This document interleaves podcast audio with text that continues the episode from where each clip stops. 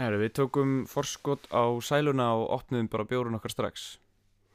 Nei, ég var að klára minn Þannig að Nú. ég, ég reyndar hérna, gerði það einmitt til þess að geta opnað með þér bjór Ja. núna. Ég skilji Ég hérna var svo djarfur að ég var að mála í gær þannig að ég tók að mér ringin minn sem ég nota venlega til að opna bjórflöskur. Akkurat. Og hann er eitthvað staðar ekki hér þannig að vegna lánaði þér þess vegna vildi ég ekki vera að rembast við það í bytni að opna flöskuna með annarkvortu likli eða kveikjara Þá, eh, ég er náttúrulega bara með dós mm Ég er hérna með afgangin af því sem ég kefti fyrir 17. júni Þannig að það hendaði mjög vel að kaupa danskan bjór Það er náttúrulega ekki bara guðlast heldur eiginlega sko landráð að Já. kaupa danska vöru á 17. júni eða neyta danskrar vöru á 17. júni Ég ætla að gera það for some reason Já Haha Skál, skál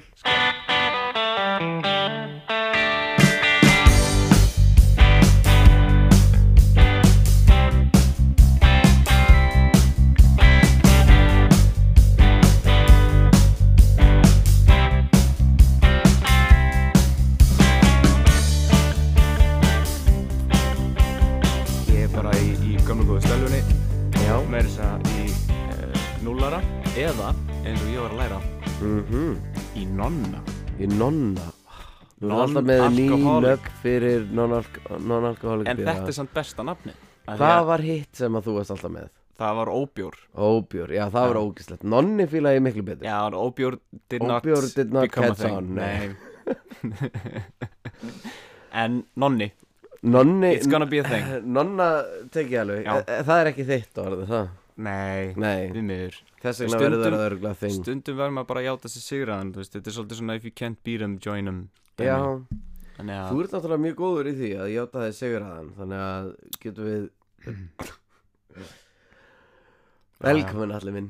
Þú heitir Vel- Alli Og þú heitir Elias og samantölu við það að vera inn í útur og við jaðarinn og kvikmyndabransanum á Íslandi. Mikið rétt. Og í dag þá eru loksins að fara að tala um það sem að gerðist á fucking Cannes hjá þér. Þú fórst til Cannes, fórst til LA beint eftir á, mm ert núna komið með risastórar fréttir frá LA sem þú ætlar að flytja með okkur. Það ég, eitthvað. Marvel tengt held ég. En Eh, nei. nei. sorry, ég veit ekki neitt. Nei, nei, hérna, við erum bara, ég er bara að giska. Ég er Já. bara að segja það sem að hefði make a sense ég skilði Sko, Og- uh, þetta er bara allt kólrangt hjá þér. Uh, nema það að ég fór vissulega til Cannes og ég fór vissulega til LA Já. en uh, ég ætla ekki að fara að segja frá LA ferðinu minni, það var bara eitthvað road trip sem að tengist þessum þætti ekki neitt. Nei, ok, ok, og, og meira bara frí með konunni heldur en eitthvað annað. Eða ekki meira, það var bara frí. En kann hins vegar það er eitthvað sem við ætlum að Mhm. ræða.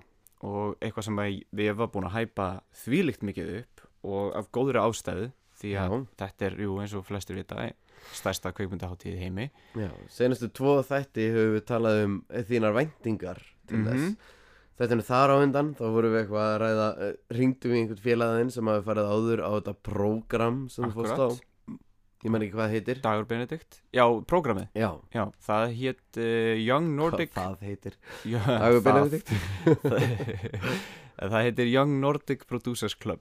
Akkurat, eða YNPC YNPC hefur lít þetta lag. Já, akkurat. Það hafa víst einhverju hlustendur heyrt það. Mhm.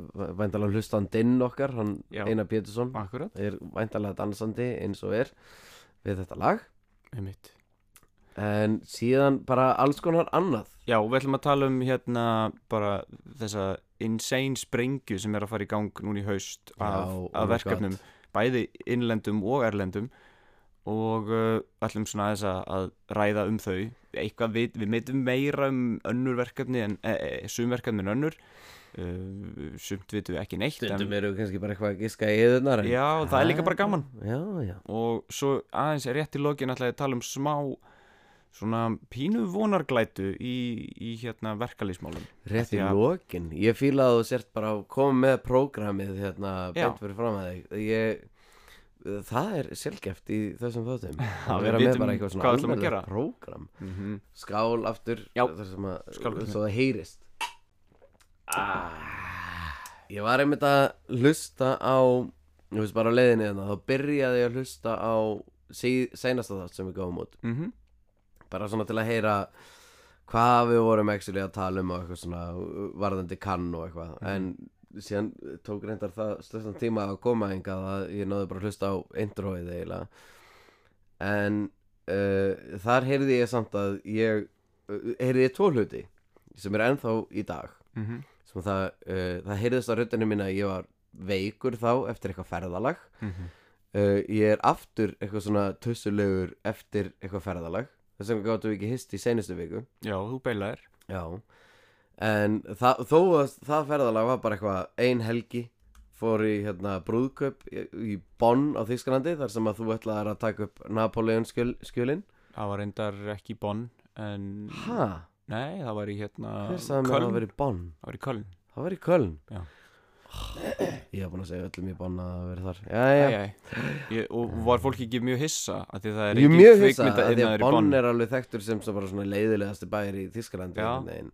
Nei, það er, það er booming hérna bransi í Köln sko. Mjög mikil svona stúdíóbransi En ég fór samt ekki. Það var hérna Nei, þeir var ekki bóðið lengur. Nei, þeir, hérna breyttu þessari senu eitthvað neginn Þannig að Já, það þurfti ekki að taka hann upp úti. Þannig að þið gætu bara tekið hann upp á Granda á staðin En það er líka mjög skemmtilegu staður til að fara á. Grandi. Já, það Var það ekki alveg jafn spennandi eða? Jú, jú, jú. Já, f- frábært. Það var bara fínt. Mjög gaman að þú hafi verið haft gaman að Já, þessu en það var líka mjög leðilegt út af því að allt krúið, þú veist, fór til Þýskalands Já, nema ég. Allir nema og ég ætlaði sko að koma og hitta þau öll. Þú veist, allt þýska krúið var búin að mæla með mót við alla og, og þú veist, eiginlega kvattengana því að ég var að fara að hitta þau bara í næstu Mhm. viku. Og svo bara eitthvað, heyriði, þú ert ekki að koma. Þannig ég mun aldrei sjá þetta fólk aftur. Nei, og ég fekk ekki að, kveðja þau.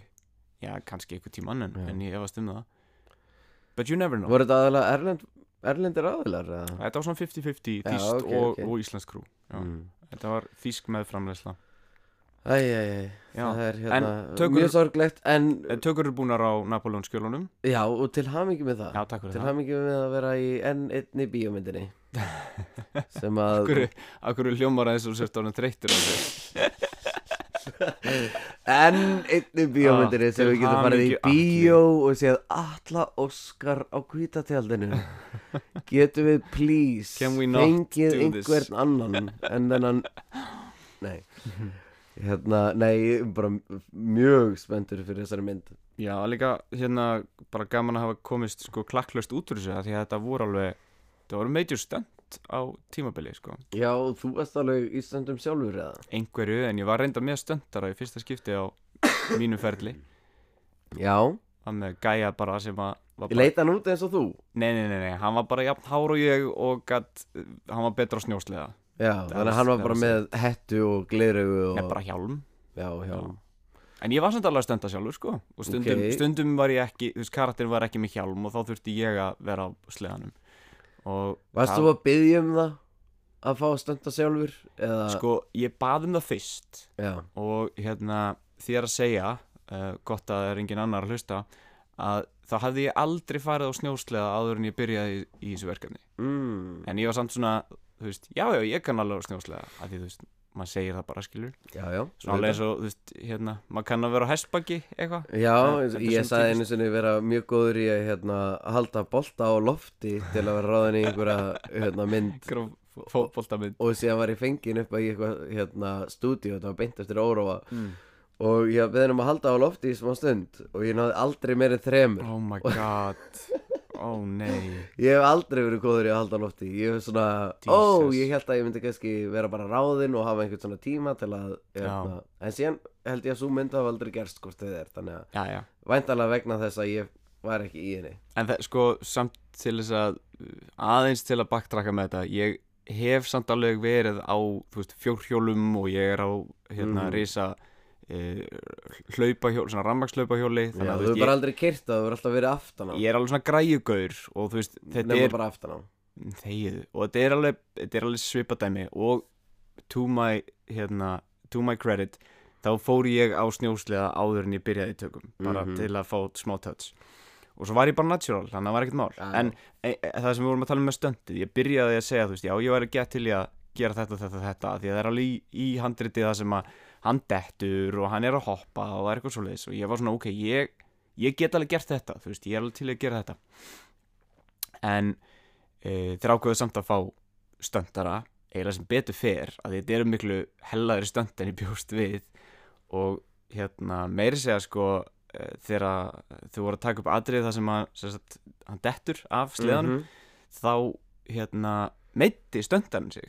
Ó, og ég, þú veist, ég stóð þarna og ég var að fylgjast með og þau voru búin að taka þetta nokkru sinnum og bara gekk vel og voru að taka ykkur aðra vi- vinkla og eitthvað svona og svo bara í hérna, þú veist, seinastu tökunni þá bara dettur hann eitthvað skringila og fer svona einhvern veginn í, í eitthvað svona, lendir einhvern veginn á bakinu eða Ah. hálsinum og bara svona fær svona slink á hálsin Var þetta eitthvað alveglegt? eða? Nei, allt í lagi með, meðan, þú veist, Ok. núna en, en þá leytið þetta ekkert alltaf vel út og þú veist, Var, ég var það fekk þess vegna sem var senast að taka hann eða var búið að ákvæða Mm, að þetta var senast að það var taka? búið að ákveða sko, en það er Mhm. yfirleitt þá sem að fólk meði sig, af því þá ákveður að gefa allt í, í go sko. crazy. en mér fannst þú skrítið að ég fekk móral út af því skilur við já, ég, mér leið Þér sjálfum? já, já, mér leið moral, út, út af því að hann hafi meitt sig skilur við, eins og, eins og ég væri ábyrgur fyrir hans öryggi af því hann var að stönda essentially fyrir mig þó að þú veist, ég hef ekki ráðið hann skilur við Hann er náttúrulega bara í vinnunni alveg eins og þú. Heiklust og, og eins og ég segi, veist, þetta var bara eitthvað stutt. En mér leið svo illa, ég var svona veginn komin í svona "Ah, get ég náði eitthvað fyrir þig, þú veist, viltu Já. vatn eða get ég eitthvað gert, skilur mér, ég var svona alveg í ykkur á, á nálum einhvern veginn yfir þessu af, já, mér fannst ég einhvern veginn svona pínu responsible, sko. Já. Ég en meina þú náttúrulega bara You dropped the ball. I dropped the ball, Já, það ég hefði ótt að undirbúta betur Já, og, ég já, það. Þetta er náttúrulega en, en ég vil taka það fram að það er allt í lagi með hann, þetta var ekkert alvarlegt þannig, það bara fekk smá slinka hálsin og, og allt í góðu með hann núna. En uh, við ætlum ekki að tala um það. Nei, við ætlum að tala um kann. Motherfucking can Segðu mér. Herru, uh, fyrir þá sem hafa ekki heyrt þá ætlum ég bara svona briefly að, Já, að- lýsa þessu. Þetta er þess að fjara daga program fyrir unga framleiðendur uh, haldið í kann af þess að hérna tveimur indislegum konum annars vegar hérna henni, henni Tíne sem að er sem sagt yfir uh, færesku kvikmynda uh, hérna, ekki akademíni heldur, þú veist, kvikmynda miðstöðinni í rauninni. Kvöfum þetta sjóð já, já, ég veit ekki hversu mikil sjóður það er, Nei, en ég var með allavega það og ég vissi ekki að þið væri með Já. Kvöfum þetta sjóð og, Þú og myndir örugglega fara bara í gegnum Danmörku eða ekki? E, jú, allir það ekki. Hún heitir Tína í Dali Mhm. Wagner. Uh, indisleg, kona búin að vera með þetta í mörg mörg ár og, og svo hins vegar Nómi Ferrer sem að er hérna uh, vinnur núna hjá danska ríkisjónarpinu en er búin að velkjast um í þessu bara ógisla lengi búin að vera bara allt einhvern veginn í þessu. Uh, þeir tveir snillingar sagt, eru búin að vera með þetta prógram í alveg já, einhver, einhver 10-12 ár eitthvað svo leiðis það sem er bjóða hérna, ég ætla kannski ekki að nota orðið krökkum en, en ungum framleiðendum að koma og taka svona nokkra daga í fullt af svona námskeiðum og masterclassum og, og svona samvinnu dæmi milli Norðurlandana og þetta er einhvern veginn alltaf búið að vaksa svolítið meira og, og verða meira dæmi. Fyrst var það bara einhver einn dagur og nú er þetta orðið alveg fjögra daga prógram. Og hérna svo voru þeir að djóka með að veist þetta þyrfti eiginlega að vera vika þetta er orðið það hellað prógram mjög svona stíft. En Já, talaður um seinast að það var alveg hérna, bara, þú veist, the head of Netflix var eitthvað að koma og þú veist, Mhm. hinn eru þessi svona stóri gæjar að koma með basically uh, er, er þetta þá svona kennslufundi, þú veist, eins og þessi svona, aftur, ekki krakkar en þú veist, Mhm. í kennslustofu og þeir að kenna ykkur eða já, þetta er svona bara eiginlega eins og þú myndir bara fór fyrirlestur í háskólanum Fyrirlestur, en, fyrirlestur er en orðið. þetta er samt mjög interaktíft og þú veist, það er um, alltaf bara hægt að skjóta inn í og spurja og, og það Ok. varð bara svona ógislega flott samtöl sem urðu til bara við þetta fólk sem var að koma og, og tala við okkur Ef við þá byrja kannski á bara degi eitt Já, ég kannski, kannski förum ekki alveg svo djúft í það en, en kannski bara svona snerta á svona þessum helstu hérna fyrirlesturum og það sem að mér fannst allavega svona worth taking out of it. Skiljanlegt, skiljanlegt. Já. en mér langar samt sem aður að segja þú veist að því að þú komst þarna hvað, tveimur dögum áður en að prógramu byrjaði? Uh, Já, Þannig að mér langar bara að vita hvað, þú veist, hvernig nýttur þessa fyrstu tvo daga áður en að programmi byrjaði, hvað varst að gista, varstu inn í festivalinu eða varstu eitthvað svona taxiferð frá því, lístu bara aðeins því. sko ég flög bara inn í hérna uh, Nýs og, og fór bara með lestinni þannig inn í, hérna, inn í kann. Uh, ég var búinn að bóka eitthvað Airbnb sem var bara á ströndinni í kann bara geggja Airbnb pantaði það með margra mánuða fyrirvara og fekk geggjaðan dílaði nema hvað svo nokkrum mánuðum áður þá bara er ég cancelað og bara allt í einu kemur Airbnb bara boom, your Airbnb has been cancelled. What the fuck? Er það hægt? I, apparently. Og ég var bara pínu of luck af því það var bara já, einhver, einhver mánuður í það eða, þú veist, já, einn og hálfa mánuður í þú myndist ekki festivali að þetta senast. Nei, þetta kom pínu flatt upp á mig og ég fekk eitthvað smá svona eitthvað smá sárabætur frá Airbnb og náttúrulega endur greitt auðvitað en, en samt þú veist það var allt búið að hækka þvílíkt mikið þannig að ég var allt í einu farin að horfa að þurfa að vera bara í næsta bæ við hliðina á sko sem var svona frekar pirrandi að þurfa að fara að taka einhverja rútu eða eitthvað svona þannig vesen. Já, en svo fór ég aðeins að skota betur og ég endaði að finna bara mjög flott Airbnb, bara svona íbúð sem var einhverjum tveimur kílómetrum þú veist, aðeins ofar í borginni eða ofar í fjallinu. Þannig að það var alveg lapp fjarlægð um, og bara, þú veist, örlítið dýrara heldur en hitt. Og að, lappaður þá tvo þannig að þetta slapp alveg. Ég, ég er að fara að koma inn á það. Ok, um, svo mæti ég og, og þú veist, þetta er alveg svolítið mikill halli. Eitthvað sem ég var ekki alveg búin að gera ráð fyrir að, þú veist, þetta er svona veist, þetta er náttúrulega strandabær og svo kemur bara fjall fyrir aftan það þannig að þessi, þessi þetta Airbnb var eiginlega bara svolítið upp í ykkur hæð, þú veist, e- þetta var ekkert eitthvað klefur en þetta var samt alveg allir in the hills in the hills, sko. horfa yfir almúan eh, nema hvað, að ég er lappa hérna fyrstu dagana svo er bara lappirnar á mér bara búnar þú veist, það er bara ekki, ekki séns þannig að ég, hérna mér langaði að fara að leia mér svona rafmakslöpahjól, Mhm. augljóslega. Nema hvað, það er ekkert leikt, veist, í viku í senn. Það er bara leikt, þú veist, 2-3 tíma eða eitthvað, já, er þetta ekki bara eins og hopp, skilur Jú, eða þú veist, það voru eitthvað svona hjólaleigur, skilur sem voru með svona hjól og En engin scooters, ég meina Jú, þú veist kann? þau voru með scooters en það var eins og ég segi, bara leikt á kannski klukkutíma, tryggja tíma Já, ok. sko basis, þannig að, að ef ég hefði ætlað að leiða þetta í, í heila viku það hefði þurft að borga bara Ég meina Tvo- scooters er svo mótorhjól, mótorhjól skilur nei, ekki vespur, ég er Já, að tala um vespur. rafmakslöpa Já, ég er að segja, akkur gæst ekki bara tekið vespi um, að því að mér langaði kannski að fá mér bjór og svona. Já, já, já, ok, Mm. sure. Ekki ræða það frekar. There we go. Um, en allavega þannig ég spurði hérna einhvern gauður hvort það væri hægt að leiða þetta í viku og hann eitthvað, já já, en þá var hann bara basically að setja tvo klukkutíma sinnum þú veist, 8, 10 og 9 skilur við, bara Já, reikna út bara oh ógislega God. hella verð og hérna, ég reyndi eitthvað að, að semja við hann og það gekk ekki neitt þetta var rándýrt, þetta hann, hann kvótaði mörgla á þú veist, 30-40 skall fyrir, fyrir vikuna Mhm. og ég svona, nei, ég er ekki alveg til í það þannig ég fór í svona Elko búð, þú veist, ekki Elko en svona franska ekvivalent af Elko. Já, og keifti mér bara rafmaksleipahjól alright og það veist, 25 skall. Alright og ég bara átti rafmaksleipahjól sem ég var bara alltaf með og bara gætt tekið hindi mín og hlaðið og, og skútast á. Svo fór ég bara, þú veist, þegar ég var að fara niður í bæ þá fór ég bara að læsti eitthvað staðar og, fór röldi, sko. Og seldur það í lokin eða?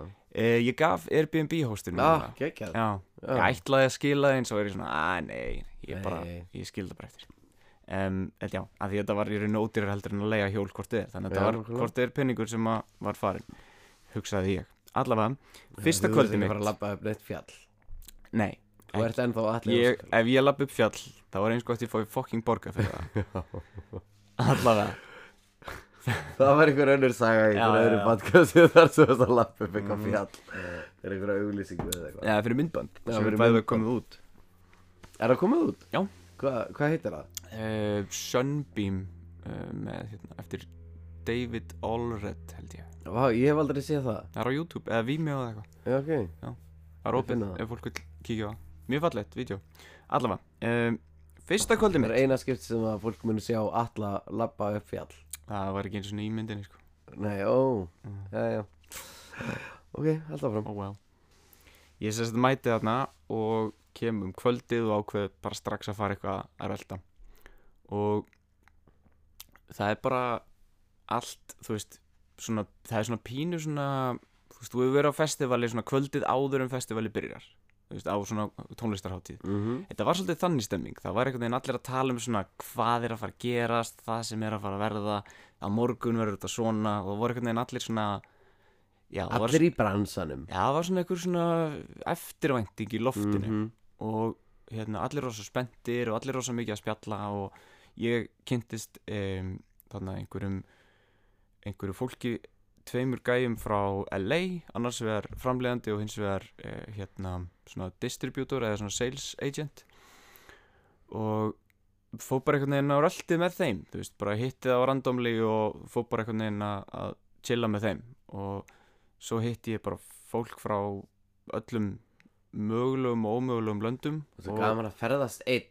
Já, það er óslega gaman. hvernig maður fer í Maður þarf einhvern veginn að- Já, maður þarf einhvern veginn að socialisa strax það sko. er geggjað. Og hérna við vorum alveg langt fram eftir kvöldi bara eitthvað á röltinu og uh, fórum og fengum okkur kebab eftir allt lokaði og þetta var bara svona ógislega svona gaman að fá svona þú veist, þetta voru gæjar sem hafa verið þarna þú veist, í 10-15 ár þú veist, komið hver einsta ári og alltaf Já, eitthvað ok. að sjoppa og vinna. Og þeir voru svona, veist, sína mér svona alla helstu staðina, segja mér hvernig þessi staður virkar og þú veist, að koma allir hingað eftir allt er búið og þú veist, það var svona Mhm. þeir voru sí- sína mér svona the lay of the land. Og svo bara held ég að þú veist, ég myndi aldrei sjá aftur skilur en svo einhvern veginn heldum við alveg svona í tötts og vorum svona að hittast af og til, þú veist, hér og þar og fá okkur eitt drikk og eitthvað og, og mjög gaman, skemmtlegir gæjar uh, og, og meiri segja sko þessi framleiðandi er alveg þú veist, hann er með einhverjar 150 bíómyndir sem hann hefur framleitt eða eitthvað, hann er bara, er bara svona hella sleitt, þú veist, bara ógeðslega busy-gur þannig að þetta var alveg svona þetta var alveg svona alvöru gæjar. Já, já, Já. alvöru gæjar. Alvöru gæjar, og þeir kunnaði leiða lend og vita hvað kebabstað þú er að fara á. Besti kebabstæðurinn nákvæmlega. Um, og uh, já, það var svona fyrsta kvöldi uh, daginn eftir fór ég og hitti hérna uh, hana Láru sem er hinn Íslendingurinn með mér í hérna í prógraminu. Já. hver er Lára? getur þú sagt aðeins uh, hver Já. það er? Það er sérst Lára Theodora Kristjánsdóttir, hún hérna er búin að vera að vinna með Join Motion Pictures uh, vann með þeim sérst byrjaði held ég sem aðstofmanneskja fyrir Berdreimi og, og var síðan bara já, var held ég bara í hvort hún hafi verið bara associate producer eitthvað slíkt fyrir hérna Gotland og, og Berdreimi, nei fyrir ekki ég, ég, er að, ég held ég sé að seg, fara með villast jú, Berdreimi fyrir ekki, já, hún var assistant í Berdreimi og svo fór hún í, yfir í meiri framleyslu pælingar í hérna Volaðaland eða Gotland Já, sem var já, já. frumsýnd á Cannes og hérna hún uh, já, sóttum í þetta prógram bara eins og ég og, og hérna við einhvern veginn höfum aldrei hist en, en erum samt, þú veist, eigum marga samíla vini og hún þekkir hérna Guðrúnu kæristuna mína. Eru, þær eru úr, úr sama hverfi þannig að þetta er allt svona einhvern veginn unnustu þína? Unnustuna, jú, vissulega. Jú, jú. og uh, hún var þarna með uh, kærastanum sínum sem er leikari og hann var að koma þarna líka bara til að vera supportive og vera kann og eitthvað. Og fá, fá sólbruna bara eins og maður gerir. Það er bara kann. Já, nákvæmlega. Já. og já, svo hérna uh, fórum við í hérna skandinaviska húsið sem er nýtt svona hús þar sem að allar norrænu hérna, allir norrænu kvipmyndasjóðunir eru með svona afdrepp og þar var alltaf happy hour þú veist, á hverjum degi milli eitthvað, fjögur og sex eitthvað þar sem maður gætt komið og minglað og hitt fólk og, og svo leiðis og þar fór ég og hitti alla íslensku deildina og geggjað. allt, allt kveikmyndasjóðs liðið og svo bara byrjaði prógramið. Já.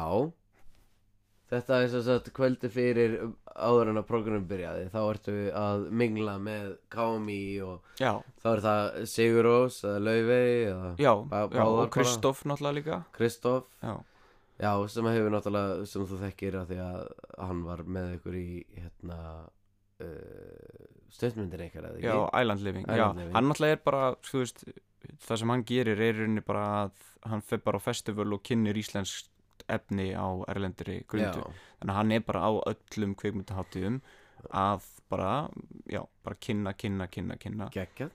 Svo hitti ég líka hérna Join Motion strákana, Guðmund Arnar og, og. Anton Mána, Anton Mánu, þú hefur náttúrulega tekið viðtal við Anton. Já, einmitt, Hérna hann kom í fyrir, Reykjavík hérna, Creative Hub. Mikið rétt. Og þeir voru náttúrulega þarna til þess að frumsýna Gotland eða Volaland. Og mjög svekkjandi að ég fór út þess að ég flög aftur heim daginn áður en þau frumsýndu. Ó, ég nei. misti af frumsýningunni. Þú varst ekki alla hátíðina.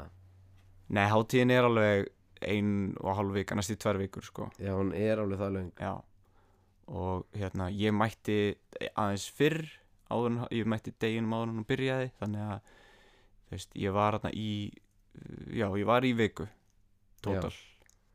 Um, og svo þurfti ég bara að fara því ég var að fara til LA það var eitthvað sem ég var búin að bóka fyrir lengu um, já. Þannig að Þá byrjar prógramið. Þá byrjar ballið Hvað, fyrsti dagur, eða þú veist? Mm fyrsti dagurinn byrjaði bara svona frekar rólega við bara sátum í ring og, og kynntum okkur og svona stóðum upp og þetta er alveg náttúrulega Og þeir eru hvað, 20 manns? 24 Já, ok. Frá öllum Norðurlandunum Norður, Danmörk, Svíþjóð, Finnland og Ísland. Mhm. vorum tvö frá Íslandi og voru uh, rúglega alveg fjórir frá Finnlandi. Ok. Og rest frá frá þessum helstu Danmörku, mm og Svíþjóð. Og þarna náttúrulega fekk maður mesta svona impostor syndrómið. Það sem maður var að standa upp og segja hvað maður hvað maður var að gera þarna sko. Já, hvað voru hinnir þá með eitthvað mikið meira í gangi en þú eða? Já, náttúrulega bara, þú veist, allur gangur á því en, en ótrúlega margi búnir að gera slatta og, og þú veist, hvort sem þau eru að vinna hjá uh, stærri fyrirtækjum og eru kannski junior prodúserar eða, eða eru með sín eigin framlýslu fyrirtæki og eru kannski að gera eitthvað uh, eitthvað smerri verkefni og margir bara gera stort stöf með sín eigin fyrirtæki, sko. Ok, en fannst þér eins og, þú veist, eins og það er svo oft sem að Íslendingar eru svo vinsælir út í heim mm, að hérna leiðir eitthvað svona eins og að vera að fá einhver plústig fyrir það að vera íslenskur? Um,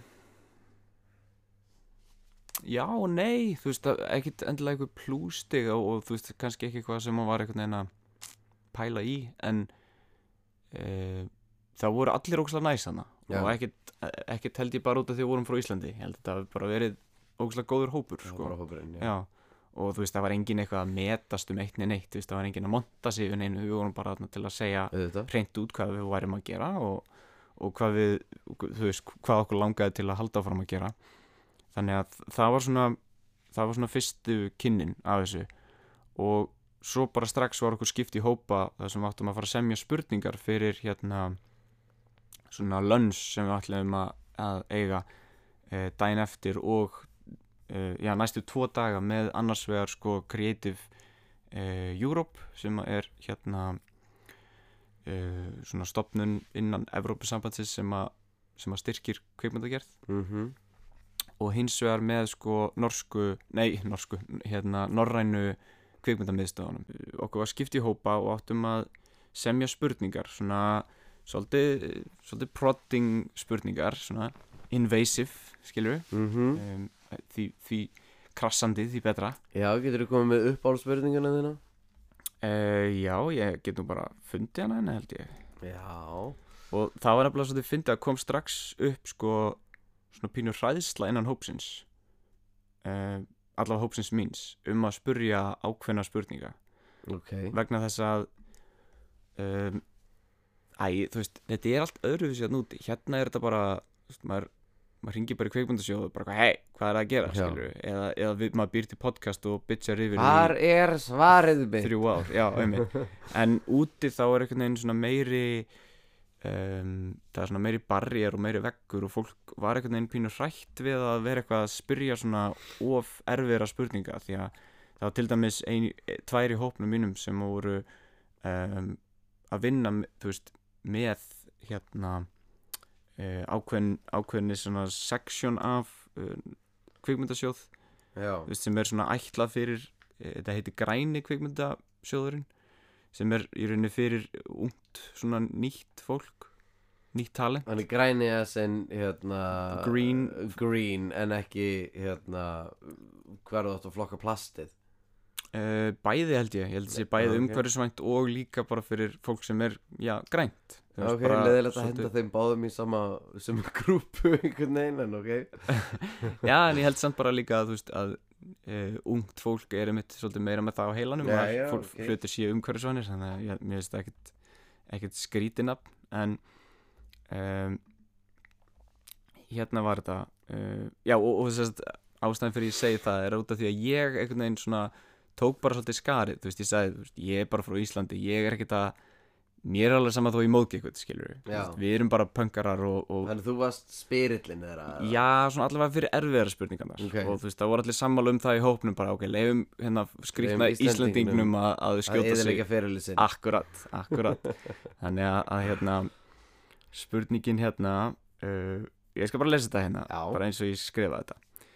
Um, As an Icelander I am already somewhat of an outsider so it's not a problem for me to ask you guys tough questions But having spoken with some of the other young producers here, I get the sense that they may feel intimidated by you and may be afraid to speak up and ask critical questions, be it here or anywhere else, because they fear they might get excluded from future opportunities.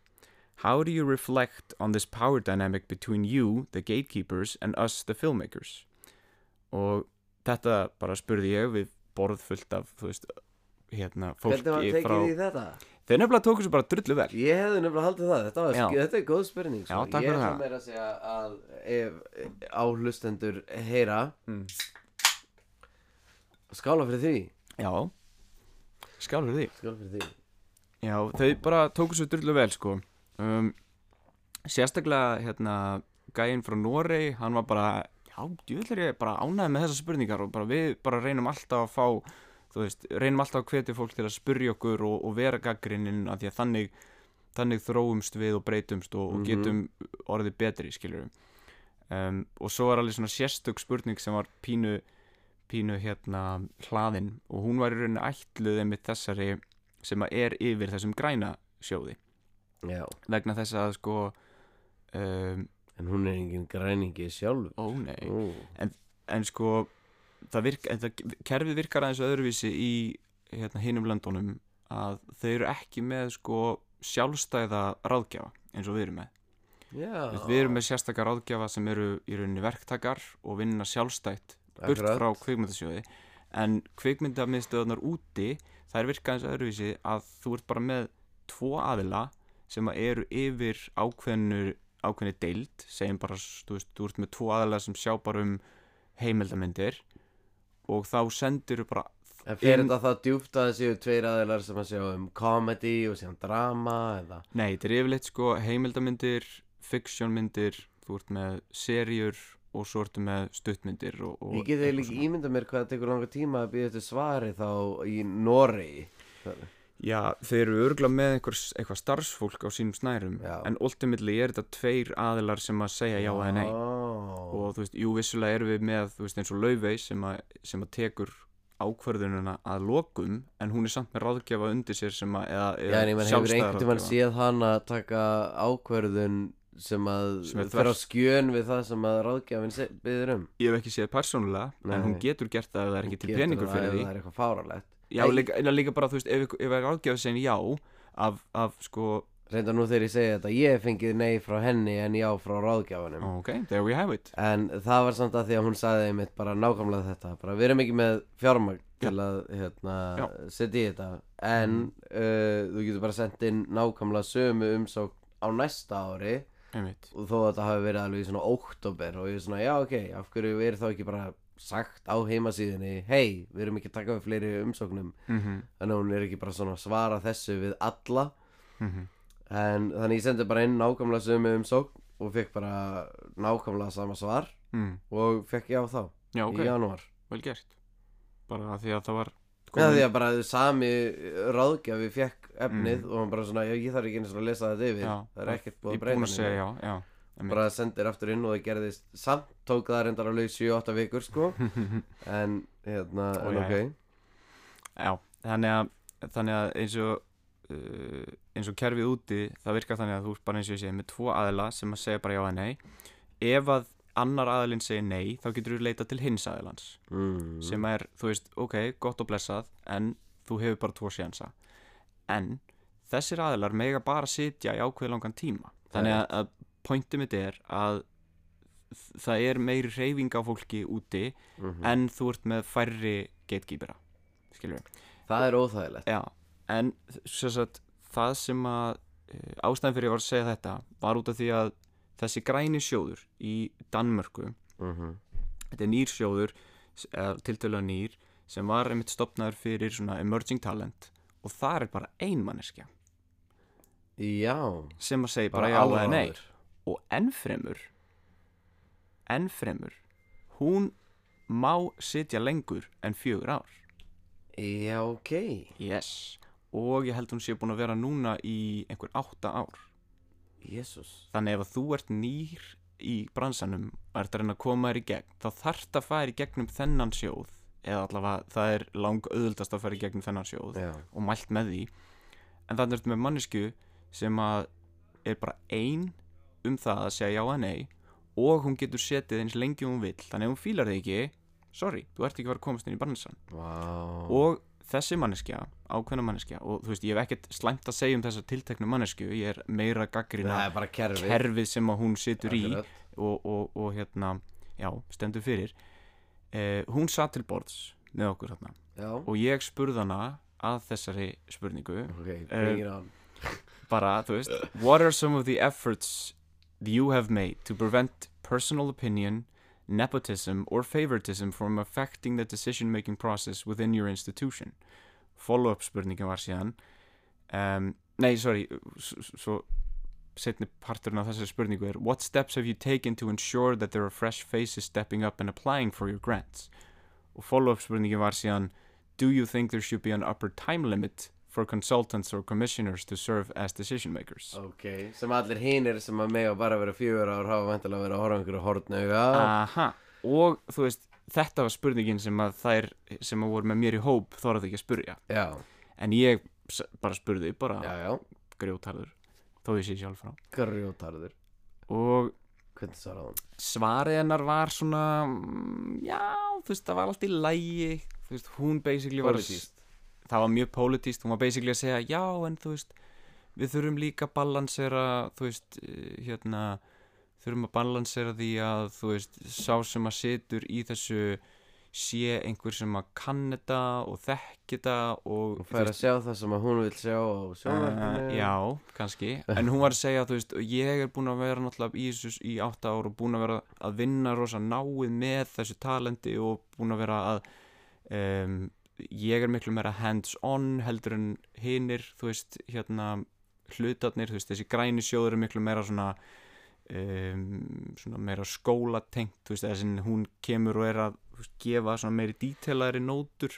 Ok, þannig að hún er svona búin að þróa með sér svona þekkingu og, og tengsl og eitthvað svona sem að nýtist svo rosalega vel og veist. svona, á ok, en samt þú veist, það verið áhugavert að sjá þú veist, hana segja eitthvað eins og þú veist, ef hún fær eitthvað verkefni eins og Exit sem er Mhm. náttúrulega bara stærsta verkefni sem að hérna, Noregur hefur nokkuð tíma framleitt já, bara vinsalasta mm. -hmm. vinsalasta efni sem þeir á nokkuð tíma framleitt og hérna sjónvarsefni allavega og en það er mjög mjög uh, auðvelt að deila um það hvort að þetta sé efni sem að ég á að fara í gegnum einhvers konar sjóð. Mhm. Þetta er, ef þið þekkið exit þetta er svona hardcore uh, sjónvastættir já, já, og ef að hún myndi sjá það þú veist, og hún er eini í aðalinu sem að fara að ráða einhverju og hún er svona, ah, þetta er way too brutal. Já. Uh, þá deyrir það bara þar. Á meðan mhm þetta verður síðan allt í einu stærsta sjónvarsefni sem að heilt land hefur nokkuð tíma gefið út. Algjörlega, þú veist, þetta er alveg þetta er alveg hérna það er alveg sjens að eitthvað svoleiðis gerist. Náttúrulega kannski ekki á þessum skala át af því að svona stórverkefni fara náttúrulega ekki í gegnum þennan tiltekna sjóð. En ég skil pointið þitt samt algjörlega og, og þú veist það er mjög leðilegt að hugsa til þess að það eru kannski ákveðnar ákveðni karakterar sem eru kannski ekki eins uh, hvað var að segja karismatik eða spil ekki eins mikið eftir reglunum eða, eða eru með öðruvísi stíl sem er kannski erfitt fyrir fólk að skilja en þau hafa samt eitthvað og eiga alveg erindi í bransan að það sé bara ein manneskja sem getur bara sagt nei, þú myndi ekki fá að spila með í átta ár út af því að ég I have a problem with you. Þú veist, hvort sem það er út, út á stilnuðinum eða þú sem persóna eða þú sagðir eitthvað vittlust á einhverju lönns í kann, skilur Já, akkurat og þú veist, þó, þó svo að fólk segi já, þetta hefur náttúrulega ekki áhrif á mig ég læt aldrei svona hluti af áhrif á mig. Við erum öll manneskjur, þú veist, það er alltaf eitthvað að fara að hafa áhrif á aðra. Þú veist, bara hvernig fólk ber sig og klæðir sig eða talar, skilur þú dæmir alltaf fólk á þess að ætla að gera það, er Já, bara staðrind þannig að Var hún með eitthvað svar við þessari fyrstu spurningu sem þú spurðið, þú veist, hvernig getur þú dreigið þínar eigin álættanir frá uh, þessu ferli? Já, og þú veist það, það sem hún talaði um var að það var eitthvað svona námskið sem að var haldið uh, einmitt til þess að sporna við favoritisma og þetta er í rauninni bara uh, já, þetta var svona bias uh, sko námskið sem í rauninni bara kennir fólki hvernig á að díla við personal bias og hvernig á að kl- að klokka það og hvernig á að koma í vekk fyrir það. Mm þannig að það var alveg cool mér varst það cool. Og, er cool. og meiri segja hérna normaðurinn og, og finnin sem að sátu með okkur til borðs voru báður svona, ó já, það er snið þú ættum að, þú veist, gera eitthvað svoleiðis. Ég heldur reyndar að Finnland hafi farið í gegnum það líka en I digress. -hmm. uh, það var mjög skemmtilegur lönns allavega. Og svona, Áhugavert. það hittnaði alveg í kólunum sko, Já, það var ég gaman sko. Sáttu með þig? Já, og ég mann, ég, hérna, lunsin sem var daginn áður, hann var með Creative Europe og hérna, mér minnir að, uh, maður sjá, nei, fyrir ekki, sama dag var hérna nordisk, eh, hérna, film and TV fond um, líka með þessum norrænu, hérna, okay. um, með þessum norrænu representatives og það er náttúrulega svolítið öðruvísi stopnun veist, aðeins að ég fara eitthvað mikið í dítela að því þá er, þá er nordisk filmetímifond svona uh, svona gap fjármögnun. Segjum sem svo þú sett að gera miljardar krónar seríu þú ert komið með 800 miljónir og vantar 200 og ert að fara í gegnum alla helstu veist, leiðirnar að fjármagna komið allt í, í botn og, og þú veist, þú áttu bara ekki þessar 200 miljónir Já. þá getur þú leita til Nordisk Film and TV fond og fengið þetta gap hérna, gap Nordisk fjármögnun. Film and TV Fund, Já, það Já. er uh, þetta N11 eða N12 eða Já, eitthvað já, að tala það var það sem þú varst að tala um, ok. ég skilji og þau voru rosa hrassi líka og það var kannski þessar spurningar voru kannski ekki beint einhvern veginn hendaði þeim ekki beint af því að þetta var, þau eru með allt öðruvísi starfsemi og kerfi og, og, og whatnot sko Mhm. og eru við vilt ekki díla við þessa, þessa ungu uh, þetta unga blóð sem, a, sem að hinn er að díla við.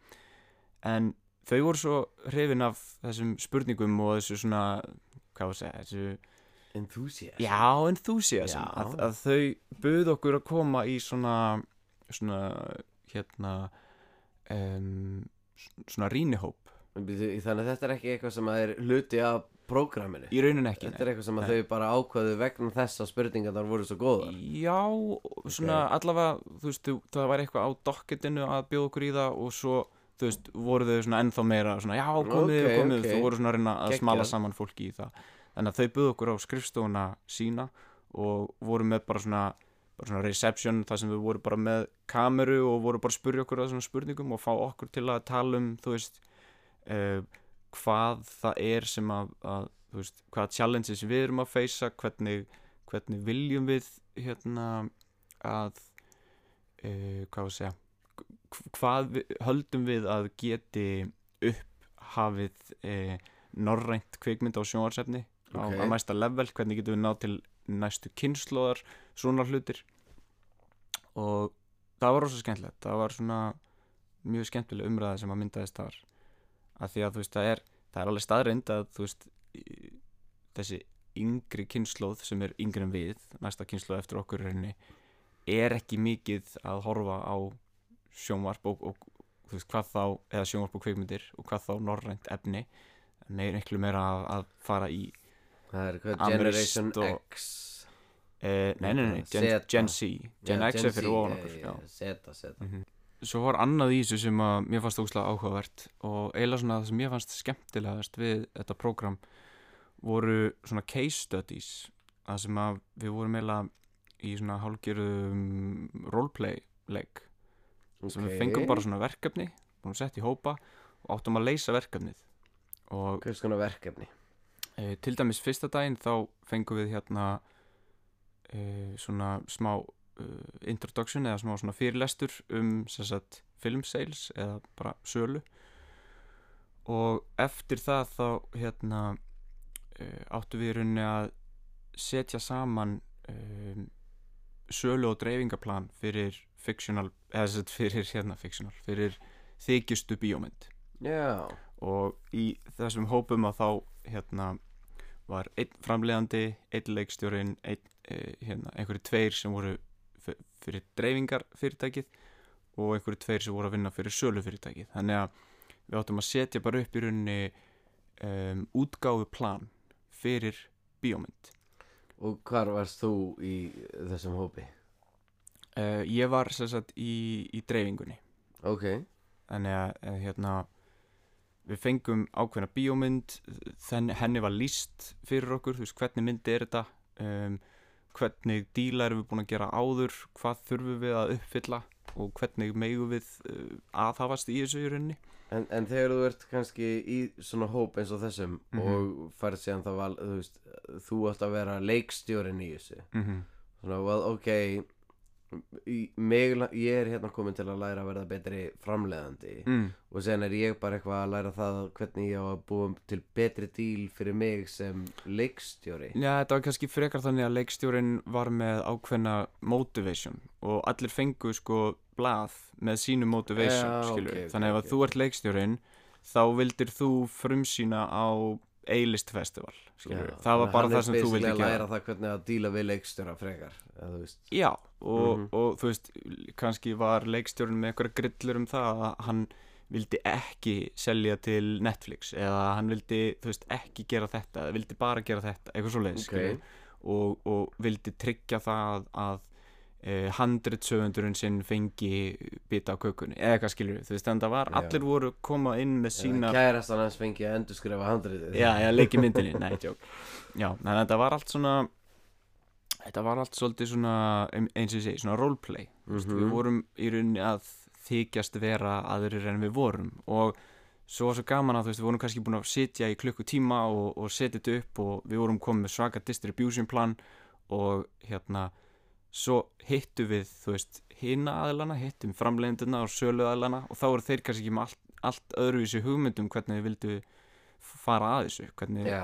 þú veist, þá var allt í hennu sko sales agentandi voru allt í hennu búin að segja sko, nei, nei, nei, nei, nei við viljum ekki frumsýnana fyrir en bara á kann þú veist, við viljum býða í ár með frumsýnana og þá fór náttúrulega allt okkar dreifingarplan úr skorðum þannig að við Mhm. þurftum að búa til nýtti dreifingarplan út frá þeirri pælingu að því að einmitt leikstjórin vildi frumsýna á stórri hátíð. Já, þannig að í staðin fyrir að bara frumsýna á Berlinale í februar og fara svo bara strax í sko hérna útgáfu að þá vildu þau býða fram í mæ með því að þú veist ná stærra festivali og meira bussi og, og við þurftum að breyðast við því.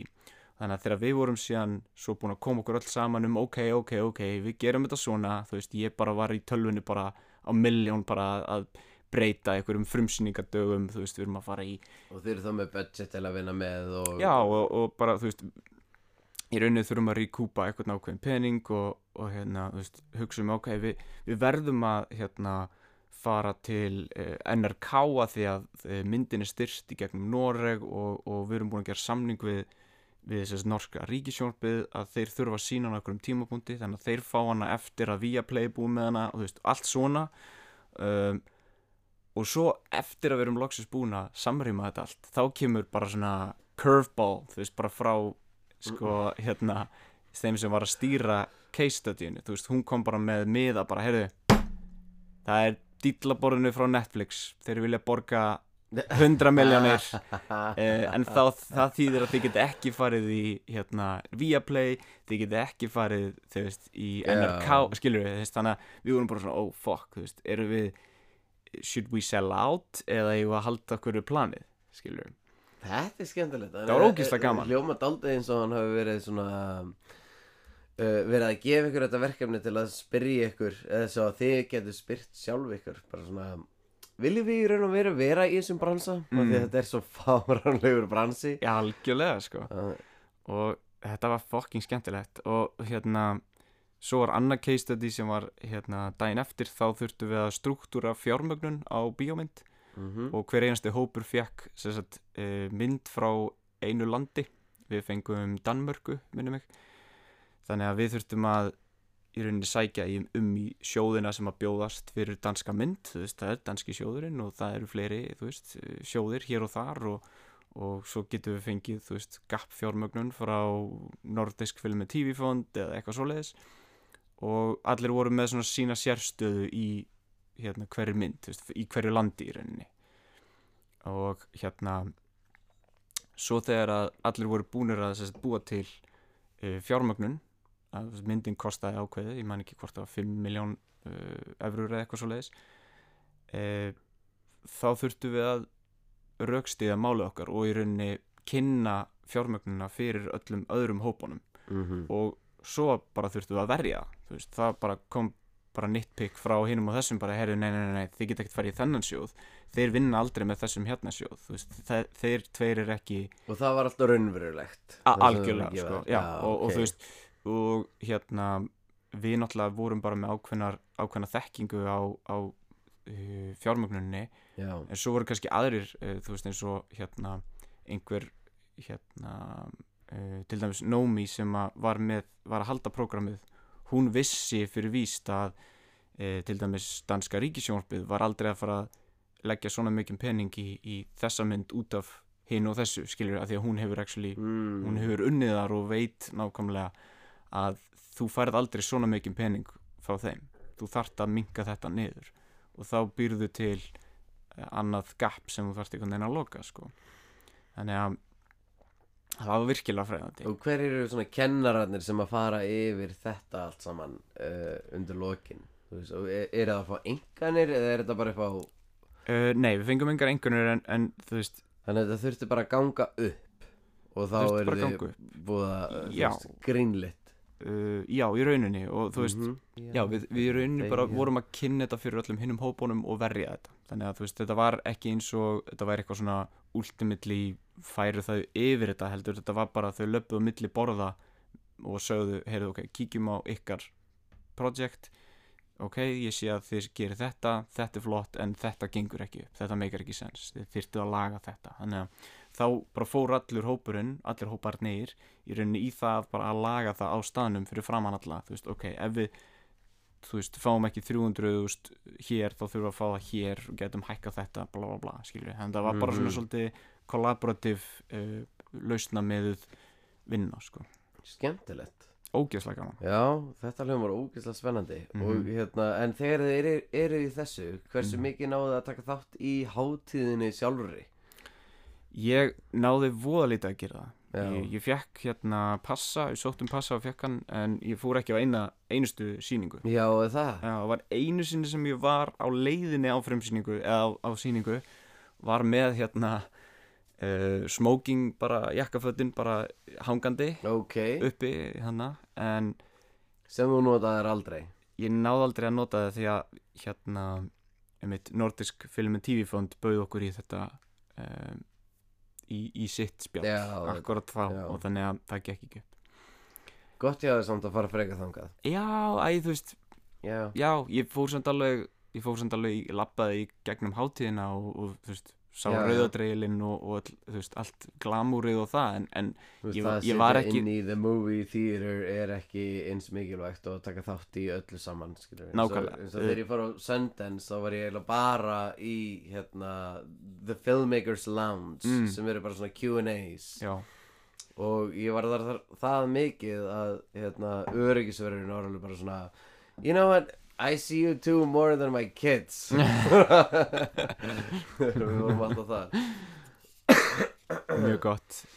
Já, já, enda líka, þú veist ég, þetta er ekki seinasta skipti sem ég fer, Nei, nákvæmlega. Það er alltaf hægt að fara og sjá myndir og, og auðvitað hefur geggja að upplifa það en ég var þarna af, af öðrum ástæðum og mér fannst tíma mínum betur varið í að, að fókusera bara á vinnuna á prógramið sko. Ég er sammála því. Ég er sammála því. Já, Jésús Og síðan, já, eh, þú varst ekki að reyna að gera einhver svona Ú, þú byrjuði í LA, ég er að fara til LA Við skulum hittast þar af Því að allt er til á Zoom eins og er mm. En hvernig finnst þér, þú veist, tengslaðnetið þetta vera eftir uh, þetta prógram? sko ég, er náttúrulega bara með endalaust af business hérna kortum eða svona Já, hérna nafnspjöldum Já, nafnspjöldum Um, ég er búinn að hafa samband við eitthvað af þessu fólki uh, náttúrulega búinn að vera í einhverju sambandi við krakkana sem voru með mér í prógraminu og, og hérna Varðandi hvað, að vinna saman eða bara halda já, bara, já, tengslaðnetinu? bara svona, þú veist, fyrst sendur bara takk, skilur bara Já, gaman að já. hitta þig og, og eitthvað, skilur bla, en, en hérna ég á samt alveg eftir að setjast niður almennilega og, og þú veist, taka allt, skilur, þú veist, Já. það eru það eru bæði aðalar sem að um, maður kannski fekk sendt e-mail frá einhverjum, þú veist, einhver sendi manni bara línu, bara hæ, hérna ég og Mhm. stundum fekk maður eitthvað business kort og, og nafnspjald og uh, og svo var náttúrulega líka fólk sem að koma og var með fyrirlestara sem að leta okkur síðan bara hafa e-mailið, þú veist, setti bara e-mailið inn inn á Facebook síðuna hjá okkur og, og hérna hvart okkur til að hafa samband mm Mhm.